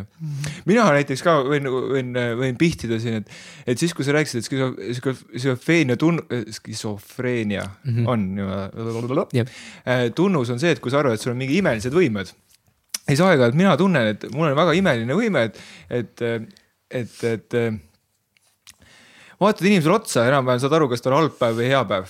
Äh, ja siis, siis okei okay,, onju, väga imeline võime ja siis, siis aga, aga selle nagu ekstreemsus on mingitel hetkedel see, kus ma umbes arvan, et nägevat inimese mõtteid. kas, kas, kas, kas, kas ma peaks nüüd arsti juurde minema? mismoodi sa neid mõtteid tajud no ise tunnen, et noh, et ta on niuke ebamugav, et noh, et kehakeelest loed välja või noh, et ma võin siin ratsionaliseerida, et noh, et vaatab silmadega igale poole ja noh, et jalg tudiseb alla, onju, et, et näed, või noh, et võib-olla, mis ma tahan küsida, on see, et, et kuidas sina nagu äh, tegelikult nagu inimene tuleb sinu juurde üks osa on see, mis story't ta räägib, et noh, et äh, tal on õudselt halb, on ju, ma ei tunne, ma ei tunne, ma pole juba aastaid tundnud ühtegi positiivset emotsiooni, see on ikkagi red flag kindlasti on neid ka piisavalt, on palju. jah, et see, või noh, seksuaalsus on paigast ära bla,, blablabla, aga et, et noh, et inimene ju noh, tuleb ju ruumi ja sa näed ju inimest ja noh, et, et kuidas, kuidas noh, et kas sa kasutad seda niisugust tajumeetodid ka või, või lihtsalt või nagu kõrva pealt noh, et see puhtalt faktuaalselt kirjutad ravimid välja või noh, et kuidas sa diagnoosid inimesest? no sa... ikka sa näed, need on needsamad asjad, mis sa välja tõid nagu noh, kehakeel, motoorika mm, -hmm. kasvõi see, kui, mis, mis nagu hääletooniga keegi räägib, kui kiiresti ta ennast liigutab, see annab ju palju infot ja. juba selle kohta, mis tal psüühikas toimub. aga. või kus, kus sa siis, kuna sa oled siis skisofreenik, et kui sa, et, et et sa saad, see üks on empaatia, lihtsalt see, et noh, et ma empatiseerin, et et või nagu see, kui ma räägin kiirelt, siis su peegelneuronid ütlevad, et noh, et saaks ikka kiiremalt rääkima, kui sa tavaliselt räägid. ju sa oled erutatud või? või ma olen nagu, et mul on mikrofon ees siin on ju, ma tahan siin küsimus, ma tahan mingi pointi kohale tuua, on ju. et äh, ja kus, kus on see, et kus ma arvan, et mul on niisugused erilised võimed ja ma peaksin minema ravisse? Äh, tegelikult nagu, kui me vaatame väga kuivalt kasvõi mingid diagnoosi kriteeriumid, siis peab olema lisaks sellele, et sa oled nagu noh, imelik yeah. peast, sa pead olema ka nagu saamatu ühiskonnas. see peab olema ka, kui sa äh,, mis meil oli siin, meil on, mul tuleb meelde üks lugu, noh näitena, et meil Põlvas mingisugune tüüp, kes äh, äh, hakkas pastoriks ja ta on kuskil praegu kas Lõuna-Aafrika Vabariigis või Kesk-Aafrikas, tal on mingisugune umbes mingi miljoni inimesega kogukond, kes teda kummardab, mingisugune vend. tema rääkis ju selles äh, Pealtnägija kuskil loos, et ta lapsest saadik kuuleb hääli. tal on tegelikult nii-öelda kuulm-, justkui nagu meie mõistes kuulmishallutsinatsioonid lapsest saadik, et ta justkui nagu on skiso, aga samas ta tuleb ülihästi toime omadega mm -hmm.. noh, ta, ta, ta tege-, nii-öelda ta suudab sihipäraselt tegutseda noh, nii tööalaselt kui ka nagu sotsiaalselt.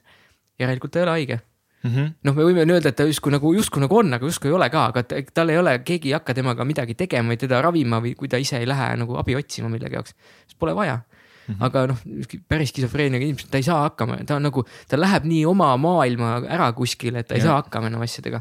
ja hästi palju on see, et nagu su pea ei tööta, sa keskenduda ei saa näiteks asjadele mm. -hmm. ja need asjad tungivad sulle vastu su tahtmist kogu aeg nagu psüühikasse mm. -hmm. mingisugused mõtted või siis mingisugused hallutsinatsioonid tihti sa ära saadad inimesi nagu, et ah, mine räägi ise oma mehega asjad selgeks või noh, et, et kui tihti on siukseid inimesi tuleb, et äh, ah, ma olen hulluks minemas, aga tegelikult nagu no neid, kes arvavad, et lähevad hulluks, kui sa, kui sa arvad, et sa lähed hulluks, siis sa, siis see on kindel, sada protsenti võib öelda, et sa ei lähe hulluks. Okay.. ja siis on sul ärevushäire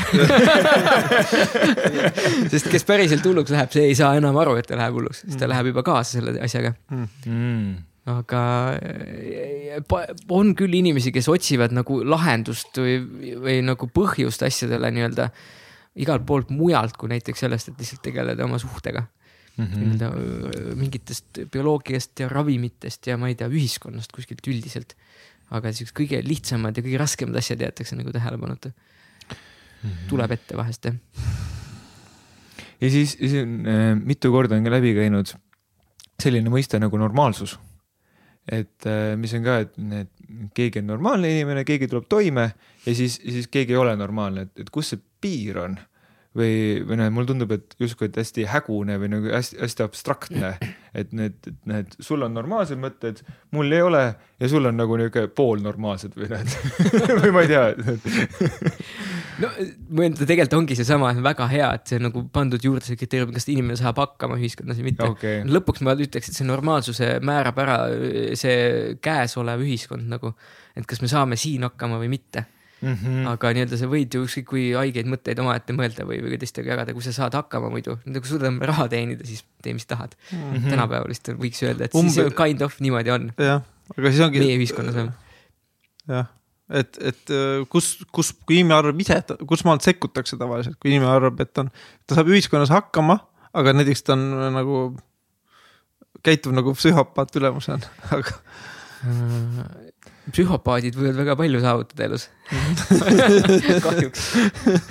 ka mida nagu rohkem, seda on leitud tipp, mida rohkem tippjuhtide poolest ja rohkem on nagu psühhopaadi isiksuse omadusi inimestel mm. -hmm. see aitab neil selles osas edasi nagu liikuda mm. -hmm. et aga noh, ikkagi, kui sa jääd ette kellelegi, kui sa ei saa hakkama enda asjadega nii-öelda, kas sa jääd äh, oma nii-öelda perele või lähedastele kuidagi nagu nende hoolitseda või siis nii-öelda tänaval kuskil töllerdada ei saa hakkama, siis ikkagi see on nagu see äralõikepunkt, ma ütleks mm. -hmm. kust hakatakse sinuga tegelema ravima sind vähemalt kuidagi. et kust maalt läheb see, et Joe Bidenil lähevad sõnad sassi, võib-olla sellepärast, et kuuleb halvasti lihtsalt oma seda kuulmist seda. ma arvan, et tal lihtsalt pooled sõnad räägitakse lihtsalt kõrva ette aga nüüd mõtlengi vahepeal, et äh, kus maalt see läheb nagu piir, et kuule, et, et nagu, et kas, kas arst saaks saaks teoorias äh, sekkuda nii, et nagu öelda, nii, see vend on seal haige, et pange ta kinni. kust maalt nagu arsti võim läheb või ei lähe? Äh, see, ütleme tegelikult jah, selline nii-öelda võim on olemas just nagu psühhiaatrias.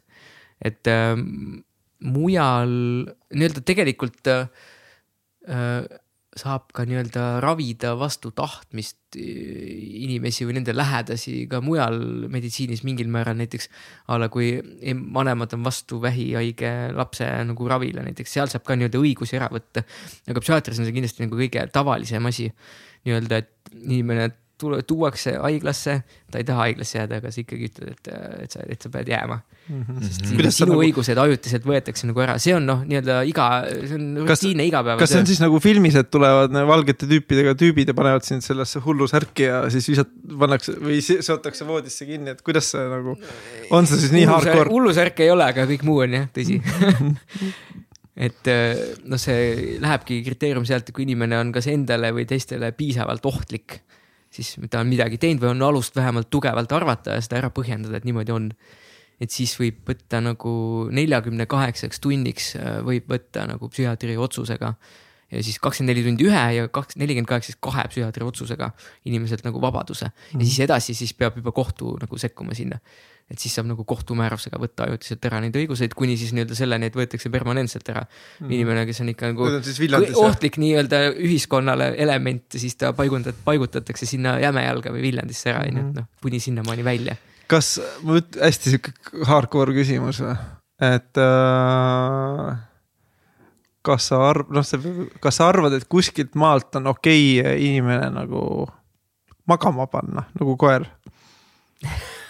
psühhiaatrilisel näidustusel või mm? -hmm. kas arvan, niimoodi tehakse kuskil või on case olnud? kusjuures ja praegu näiteks on äh, tõusnud teemaks eutanaasia psühhiaatrilise nagu diagnoosiga maailmas üksikutes kohtades, ma ei mäleta, mis koht see kuskil Kesk-Euroopas oli. Šveitsi laust. võib-olla, võib-olla Šveits. seal saab vist raha eest niikuinii teha kõike, et. seal on ja kusjuures mingid MTÜ-d teevad eutanaasiat äh, mingitel tingimustel, aga inimestel, mul üks, üks inimene depressiooniga oli, kes sealt taotles midagi.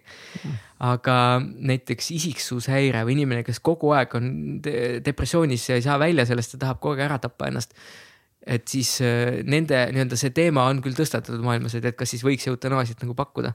noh, Eestis ma ei näe seda teemat küll lähiajal tulemas kuskile, aga jah, võib-olla tõesti, et see oli Šveits, tundub kõige loogilisem mm. -hmm. MTÜ eutanaasia wow. on ja, ma tean ühte konkreetset organisatsiooni, kellega, kui ma olin seal kirjavahetuses sees, kus üks inimene nõudis, et nad tapaksid ära. siis nad olid kirjad algasid, et kallis see ja see, et palun rahunege nüüd maha et kus see nagu piir läheb, et no võib-olla see on äärmusnäide, aga näiteks see Osho, Osho ju põhimõtteliselt tegi ka, lasi ennast äh, ka ära tappa noh, nende selliste sõnade järgi, et lihtsalt tal oli oma mingi personaalne arst ja siis mm -hmm. mina ei tea, mis äh, järjekorras talle neid aineid süstiti, et ta siis oleks kõigepealt kehaline see kontakt ja siis läheks nagu ära, ühesõnaga ta ka lasi ennast ära tappa, ta oli nii vana juba. või noh, et äh, soovis nagu minna, et kas ta oli ka siis hull või ma arvan, eutanaasia on väga okei okay ju noh, nii-öelda elu lõpetamise viis mm. -hmm. sest nagu miks peaks kuskil voodis või niimoodi juurviljana nagu piinlema mm. -hmm. et ikkagi nii-öelda siis võetakse nagu nii-öelda nii normaalne kuidagi, et võetakse see õigus otsustada oma elu üle ära lõpuks. see on päris huvitav, et kus, et see eetiline või moraalne piir, et kus see nagu, kes siis otsustab, eks ju mm. -hmm et... ongi väga keeruline mm, -hmm. ei olegi õiget nagu vastust, Eestis on võib-olla psühhiaatrilises nagu mõttes suhteliselt võib-olla karm, kes, kes keskmisest võttes nii-öelda näiteks, et inimene ka, kes on eh, kindlalt nagu teada, et ta tahab ennast ära tappa, et on alust arvata, et siis võib ta võtta nagu tema vastu tahtevastaselt ravile, aga paljudes riikides sa võid ennast ära tappa, noh, palun väga. kui sa oled eh, nii-öelda ainult depressioonis, ei ole nagu psühhoosis, et, et siis loetakse sind piisavalt eh, adekvaatseks ikkagi otsustama seda, et kas sa tahad elada või mitte, sa võid ennast ära tappa mm. -hmm kuskil riigis vist oli isegi ebaseaduslik ennast ära tappa, aga noh. selle eest saab, kus, kuskil riigis oli vangla karistus selle eest, kui ennast ära tapad aga ähm,. ajuvaba äh,. mis sa, kus, kus, ma ei tea, võib-olla liiga palju see enesetapu teemal, et kus maalt on nagu enesetapp okei okay? äh,? kus maalt ei ole okei okay.? ma arvan, igaüks peab ise otsustama enda jaoks et kas noh, paljud on võimalik ka kindlasti nagu ära hoida, aga kõiki ei ole, osad inimesed ikkagi noh, nad on ikka nii kehvas seisus, et nad äh, ilmselt, no sa tead, et tapab ennast varem hiljem ära pa. paljud on ka näiteks, näiteks alkoholi mõju või mingi muu psühhoosi mõjul, et, et näiteks ta kaine peaga võib-olla ei teeks seda. et siis ongi, et kus sa nagu. kusjuures tihtipeale või isegi enamasti vist on ikkagi inimesed joobes, kes tapavad mm. ära ennast mm.. jah ja, et siis alkohol võtab selle kontrolli nagu maha ja laseb lõpuks ka seda nii-öelda ängistust või depressiooni nagu kogeda kuidagi palju suuremal määral, kui, kui nii-öelda kaine peaga vahe, suudetakse vahepeal mm.. et jah, alkohol on kindlasti nagu üks põhi, põhiasju, mis nagu tri trigerdab selle, et päriselt ikkagi pannaksegi endale käsi külge mm. -hmm. mis sa arvad, mis äh, on psühhiaatri tulevik? Äh, kuhu see eriala edasi liigub? et hästi palju on praegult igasuguseid uuringuid, nagu a la ketamiin tuli, psilotübiin on mm -hmm. nüüd legaalne, tehakse katseid. kus see liigub? no ütleme, kui rääkida nendest eh, noh ravimitest, siis ilmselt ikkagi see psühhedeelikumid on üks kõige nagu põhilisem teema siin lähitulevikus. mida peab vaatama, et mis sellest siis nagu välja tuleb äh,. aga noh, eriala üleüldiselt. ma ei oskagi niimoodi öelda äh, noh, mida rohkem nagu suudetakse, mis on üks nagu põhisuundasid võib-olla olnud viimase või nagu läbi selle kaasaegse psühhiaatria ajaloo, et üha vähem peaks inimesed nagu tulema haiglasse ja üha rohkem peaks nad saama. noh, kogu see ravi või aitamine, mis me saame pakkuda, peaks toimuma noh, nii-öelda võimalikult loomulikus nende keskkonnas mm. -hmm. et, et noh, nõukogude ajal oli ka, et inimene tihtipeale kuus kuud oli haiglas, on ju ja siis ta läks välja ja, ja siis see kontrast nagu selle keskkondade vahel on nii suur, et äh, see tihtipeale ei aidanud nagu kaasa sellele mm. -hmm. et oleks hästi nagu community based kogu see aitamine. ja rohkem ikka võiks olla kindlasti, kui öelda, et mida saaks paremini teha, siis rohkem võiks olla kindlasti psühholooge mm. -hmm. ja, ja nii-öelda siis nagu kliinilisi psühholooge, kes on päris väljaõppega, et, et need ikkagi äh, tihtipeale suudavad rohkem aidata kui, kui äh, nii-öelda holistilised või, või mingid äh, sellised terapeudid. Just nagu mingite noh, eluliste asjadega, mis on kõige olulisemad, võib-olla mitte nagu seda kaasata seda spirituaalset sfääri sinna nii palju, aga, aga paljud inimesed otsi-, hakkavadki kohe otsima nii-öelda kuskilt kõige kõrgemast kohast seda nii-öelda, et saaks nagu kogu vastuse korraga, aga kõik see vahepealne osa, noh, nii-öelda igapäevaelu ja, ja suhted, et need jäävad nagu noh, kuidagi puudu nendega ei viitsita, see on kõige raskem nendega tegeleda. aga et mhm. keegi aitaks just selle osaga nagu hakkama saada paremini. sest see müstika on ju nii nagu huvitav on ju. ja jah, et, et kus see jumal siis on ja lähme vaatame enda sees mm -hmm. seda jumalat siis on ju, et, et, et mitte, et nagu magaks kaheksa tundi ja läheks sööks äh, mõne brokkoliga ära on ju aeg-ajalt on ju. ja vaataks oma suhted üle näiteks. jah, oh on ju, ei viitsi, viitsi nagu noh raske, nii raske, raske pihta hakata kuskilt otsast. jah, isaga peaks rääkima või, mida või ema käest vabandust paluma. minu arust kõik inimesed võib-olla, kõik inimesed, mida võiks teha, et nii-öelda, lugeda selle kiindumusteooria või attachment theory kohta ja mm., ja leida nagu, mis, et kuidas see minu elus välja nagu mängib mis olid need suhted vanematega, nende nii-öelda vanemate suhted oma vanematega, mis jookseb nagu generatsioonist generatsiooni. et äh, noh, see, see, see tuleb nagu, see ei ole nagu no, ametlik selline asi, mida psühhiaatrid räägivad, et kõik arvavad, mõtlevad niimoodi, aga kui rääkida omavahel nagu kliiniliste psühholoogidega ja psühhiaatritega, siis noh, mina olen ka sinna, et arust psühho, psühhiaatriliste või üldse nagu psühholoogiliste, psühhiaatriliste häirete nagu kõige suurem baas, kõige nagu põhilisem asi on kiindumussuhte probleemid. Tee meile kiire yeah. elevator pitch, et mis on kiindumussuhe Äh, see, kuidas laps suhestub oma vanemaga, kuidas enda esimese nii-öelda kolme eluaasta jooksul vormitakse kogu see psüühika nagu alused välja.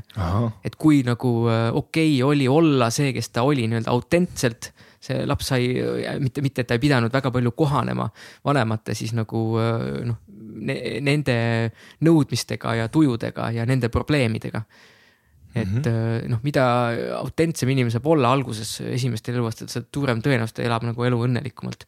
ja mida rohkem seal on probleeme, seda rohkem peab ta hiljem nagu nii-öelda tegelema endaga, ravima ennast. see paneb päris kõr-, päris kõrged äh,, mulle paneb päris kõrged ootused äh, lapsevanemaks saamisel nagu mm. -hmm. ootused või noh, endast ma ootan seda, ma ei taha ju oma lapsele noh, mina ju tahan oma lapsele ikka paremat, et kuidas sa äh, kuidas sa selles nagu, sul on endal ka laps mm. -hmm. kuidas siin no,, võib-olla, ma ei tea, me ei pea nüüd nii pikalt seda nagu kütma, aga et kuidas seda võtta nagu, kuidas öelda.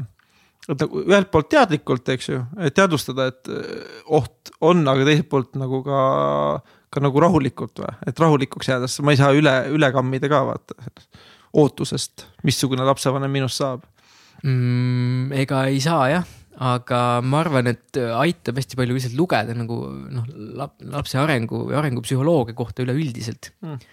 et, et olla lihtsalt kursis, mis vanuses midagi nagu toimub ja, ja noh, arvestada sellega, et laps nagu ja kui ta mingit, mingitel perioodidel ta tahab äh, mingeid asju nagu endas arendada, mingeid omadusi, mis on hästi nagu baasilised, hästi olulised hiljem.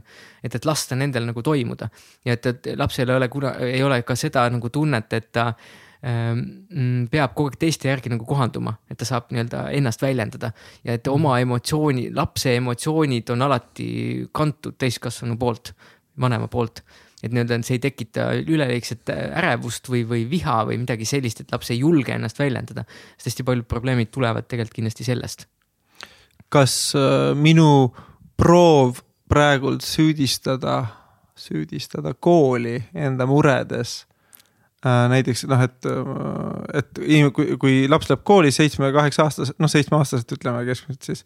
et äh, siis ju tegelikult äh, pannakse teda tegema nii, nagu teised teevad ja võrdled nagu justkui teistega kogu aeg.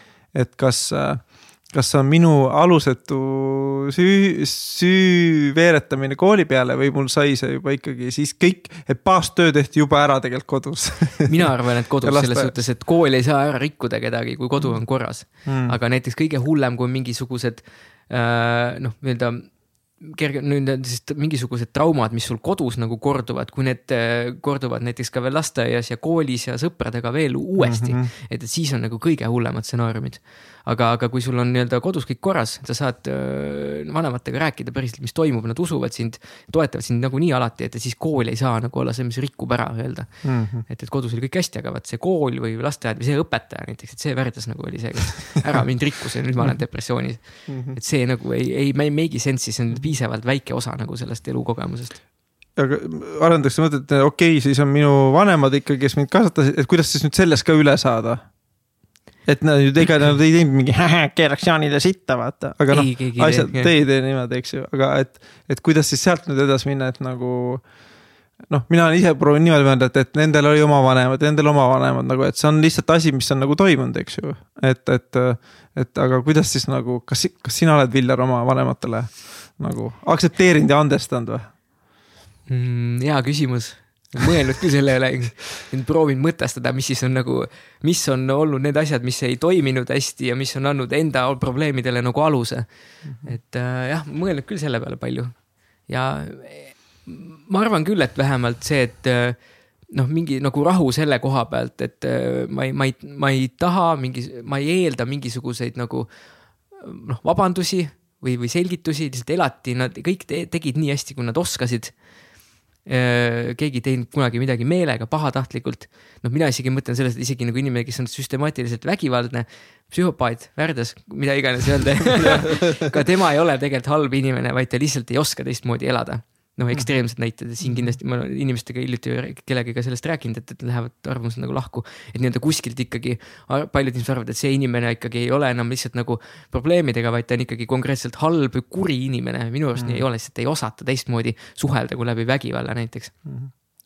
aga et äh, mina ei mm noh ma, ma ei tunne, et peaks olema mingisugused asjad, et peab lahendama, saama mingid vabandused või selgitused nagu vanemate poolt, et lihtsalt oli nii, nagu oli see, see võim, sa ei, sa ei saa eeldada, sul ei ole võimu selle üle, et nagu muuta seda minevikku ja neid. et ainult endaga saab tegeleda. ja endaga saab kindlasti veel rohkem edasi tegeleda ka. aga -hmm. see, et nagu süüdi, see, et mingi asjade süüdistamine, see faas on, ma arvan, möödas. sul jah? jah, mhm. vanemate mm. -hmm. küsin siis seda, et kui me alguses rääkisime rohkem psühhedeelikumidest ja praegult Eestis ei ole lubatud seda, et, et keegi läheb psühholoogi juurde ja ütleb, et kuule, et te, teeks täna, seekord teeks nagu LSD-ga, onju.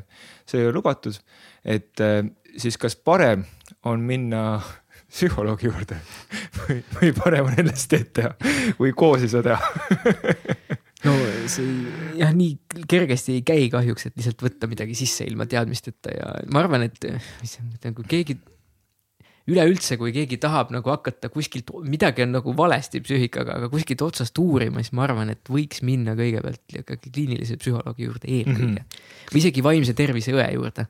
et Just. kindlasti ei ole paljudel vaja üldse ronida psühhiaatri juurde. kuidas see käib uh,? mina näiteks ei tea, kuidas see käib. Confido lehel paned aja, paned aja erakliinikusse tavaliselt, riigisüsteemi mm. väga ei saa või küsid, küsid perearstilt saatekirja, siis saad poole soodsamalt. noh, super ja siis, aga siis ikkagi nagu järjekorrad võivad olla nii pikad, et ei saa kuhugi väga. Hmm.. või, või siis saad, peab uurima. lõpuks enda tervis on piisavalt tähtis, et see, mina maksin viiskümmend euri või midagi taolist vastuvõtu eest ja, aga et noh, et nagu tänu sellele ma sain minna tööle ja, ja teenida rohkem tagasi. Jah. Ma arvan jah, lihtsalt kliiniline psühholoog või isegi võib-olla teraapia meetod kõige parem, lihtsalt tavaline pereteraapia võiks olla, mis kõigile midagi nagu annaks mm. -hmm. et see on nagu perearst ja, ja pereteraapia noh, jah, käid kasvõi üksi, ei pea minema perega mm -hmm. sinna et pigem siis ikkagi sihukestest nagu baasasjadest alustada, aga siis mm, -hmm. aga mis ikkagi, kui kuulaja nüüd on, et kurat, et tahaks, et nagu tahaks ka seda hapet proovida, et mis sa nõu annaksid talle ma ei saa, head nõud proovida või mitte proovida. noh, et kuidas sa nagu, näit-, mul üks lähedane tuli hiljuti, et oh noh, see polnud happe näitaja, aga oh, tahaks aiat teha, et kuulis mhm. kuskilt mm -hmm. dokumentaalist, et see on tore asi, eks ju mm. -hmm. siis nagu, mida ma nagu esim-, noh, me ei, ma ei, ma ei osanud nagu, ma ei tahtnud äh, edasi enam nõu anda, sest mm -hmm. ma ei mhm. osanud, ma ei saanud aru, noh, et, et minule jaoks on olnud äh, arendajalik kogemus, noh, et siin selles mõttes mul on läbi valu on tulnud see kogemus, et kuidas mm -hmm. asjadega nüüd hakkama saada. et, et äh, aga et nagu ma äh, et kuidas öelda, kui inimene ütleb, ta tahab hullult minna aia, aiad Serekale või mingit asja no, teha. võib-olla võiks hästi pikalt mõelda nagu, mis see probleem on, et kas saab aru, mhm. milles on ikkagi see probleem ja rääkida kellegagi nagu noh, ikkagi minna esialgu psühholoogile ja rääkida läbi, et hakata kaardistama, mis viga on ja siis mõelda, kas ma saan seda lahendada selle aiaga või mitte et võib-olla, aga yeah. läheb sinna psühhiaatri, ütleb, võta antidepressante näiteks. siis tuleb minna psühholoogi juurde, psühholoog ei anna sulle antidepressante ah,. kui psühholoog juba ütleb, et peab ikka rohtu hakkama võtma, siis on ilmselt asi tõsine. okei, hea teada. et jah nii et tuleb algul ikka psühholoogi juurde minna. ma arvan küll, et võiks nagu proovida jah, rääkida, läbi teise inimese on ikkagi nagu nii-öelda enda asju peegeldada on kõige ma, produktiivsem tihtipeale. mäletan seda perioodi, kui äh, ma käisin nende erinevate arstide juures ja tahtsingi aru saada, mis siis sees toimub nagu. siis tegelikult mulle andis kasvõi see, mäletan kuuskümmend, seitsekümmend euri, see oli mingi muu erakliinik, aga. ja ka siis lõpuks mu see tulemus oli ikkagi see, et ma sain aru, et minuga on kõik hästi tol hetkel, et, et yeah. mitte no. see, et nagu, et väliselt mul tuli impulss, et ma oleks justkui noh, et ka see oli nagu hea tulemus, et. Äh, see kõige parem tulemus ju. et ei ole midagi hullu, et võta kokku ennast ja ela. midagi sellesse, midagi peab olema, seda ei saa öelda, et kõik on korras, et kui sa juba lähed, siis midagi on korrast ära, et sa üldse lähed. aga see nagu tagasiside, et sul ei ole midagi hullu viga, et sa ei pea rohtusid hakkama mõtma, et see asi pole nii hull, see on kindlasti hea kuulda mm. -hmm. ma ikka ka ütlen seda vahest mõnele inimesele mm. -hmm jah, ja siis ta on jumala, jumala pettunud, et mis mõttes mul ei ole skisofreeniat. ei, see on juba see on emotsioon. Vabasta see. ja, ja sa oled kurb. Ei, ole kurb siis noh. All right. jah, aitäh, Viljar. jah. Kas sul on midagi veel südamel või mõistusel, mida sa sooviksid jagada? Ähm, Eesti rahvaga ei, ei, otseselt ei ole, ma arvan, et minge välja ja nautige kevadet. oi, kevad on Läheb positiivsemaks. kui nii palju halbu asju on juhtunud ju viimastel aastatel. äkki on, läheb nüüd paremaks mm. -hmm. mitu aastat on olnud Covid, mingisugused jamad, piirangud. no sõda, no siit kas läheb maailmasõda või ja. lõpeb ära või? ma ei tea, praegu tundub, et läheb nagu, no, läheb rahulikumaks kuidagi, jah mm. -hmm. ma, tegelikult jumala huvitav mõte nagu selle peale, mäletan üks esot- äh,, mis, mis on see, mis tegeleb nende piitsidega või suhkrutükke antakse? tead, kas väiksed, äh, mis ravi, homopaatia oh.. no üsna. Äh, terakesed. terakesed jah, terakesed, sealt tuli, äh, okei okay,, vahet pole, kus see, aga sealt tuli sihuke lause, mis minu jaoks nagu päris hästi nagu pani ka korraks võtma, et mõnikord on depressioon lihtsalt vitamiinipuudus. et sitt toitumine, et kas nagu, ma ise ka vaatan nüüd mõnikord, et ma hakkasin B-vitamiini hiljuti nagu võtma Äh, ja, ja, ja veid, on küll nagu veits sihuke nagu rohkem energiat äh, päeva jooksul tegutseda või? no ei no kui sul on mingi asja defitsiit konkreetselt, siis see võib ka tegelikult tekitada depressiooni mm. -hmm või mingid hormoonid paigast, vahepeal lihtsalt oled, on mingi haigus, ei ole kellegi süü, ei ole lapsepõlvetrauma, mitte midagi oled lihtsalt, ma ei tea, kilpnääranahige või D-vitamiini defitsiit on sügav mm -hmm.. võib-olla ka väga proosaline sihuke igav põhjus mm. -hmm. ja me, me Centeves müüme toidulisandeid ja siis me alati anname soovituse, et enne kui sa hakkad toidulisande võtma, tee endale selgeks, et sa, kas sa magad piisavalt, kas sa liigud piisavalt, kas sa sööd hästi mm -hmm. ja vaata oma inimsuhted üle ja kui need kõik on korras, no siis vaata edasi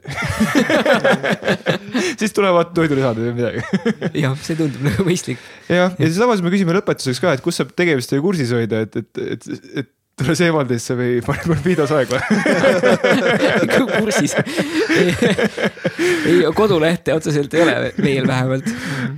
et äh, ma ei, ma ei, ma ei oska kui keegi tahab lugeda nii-öelda vaimse tervise kohta täpsemalt, siis võiks lugeda peaasi.ee lehte kindlasti. peaasi.ee.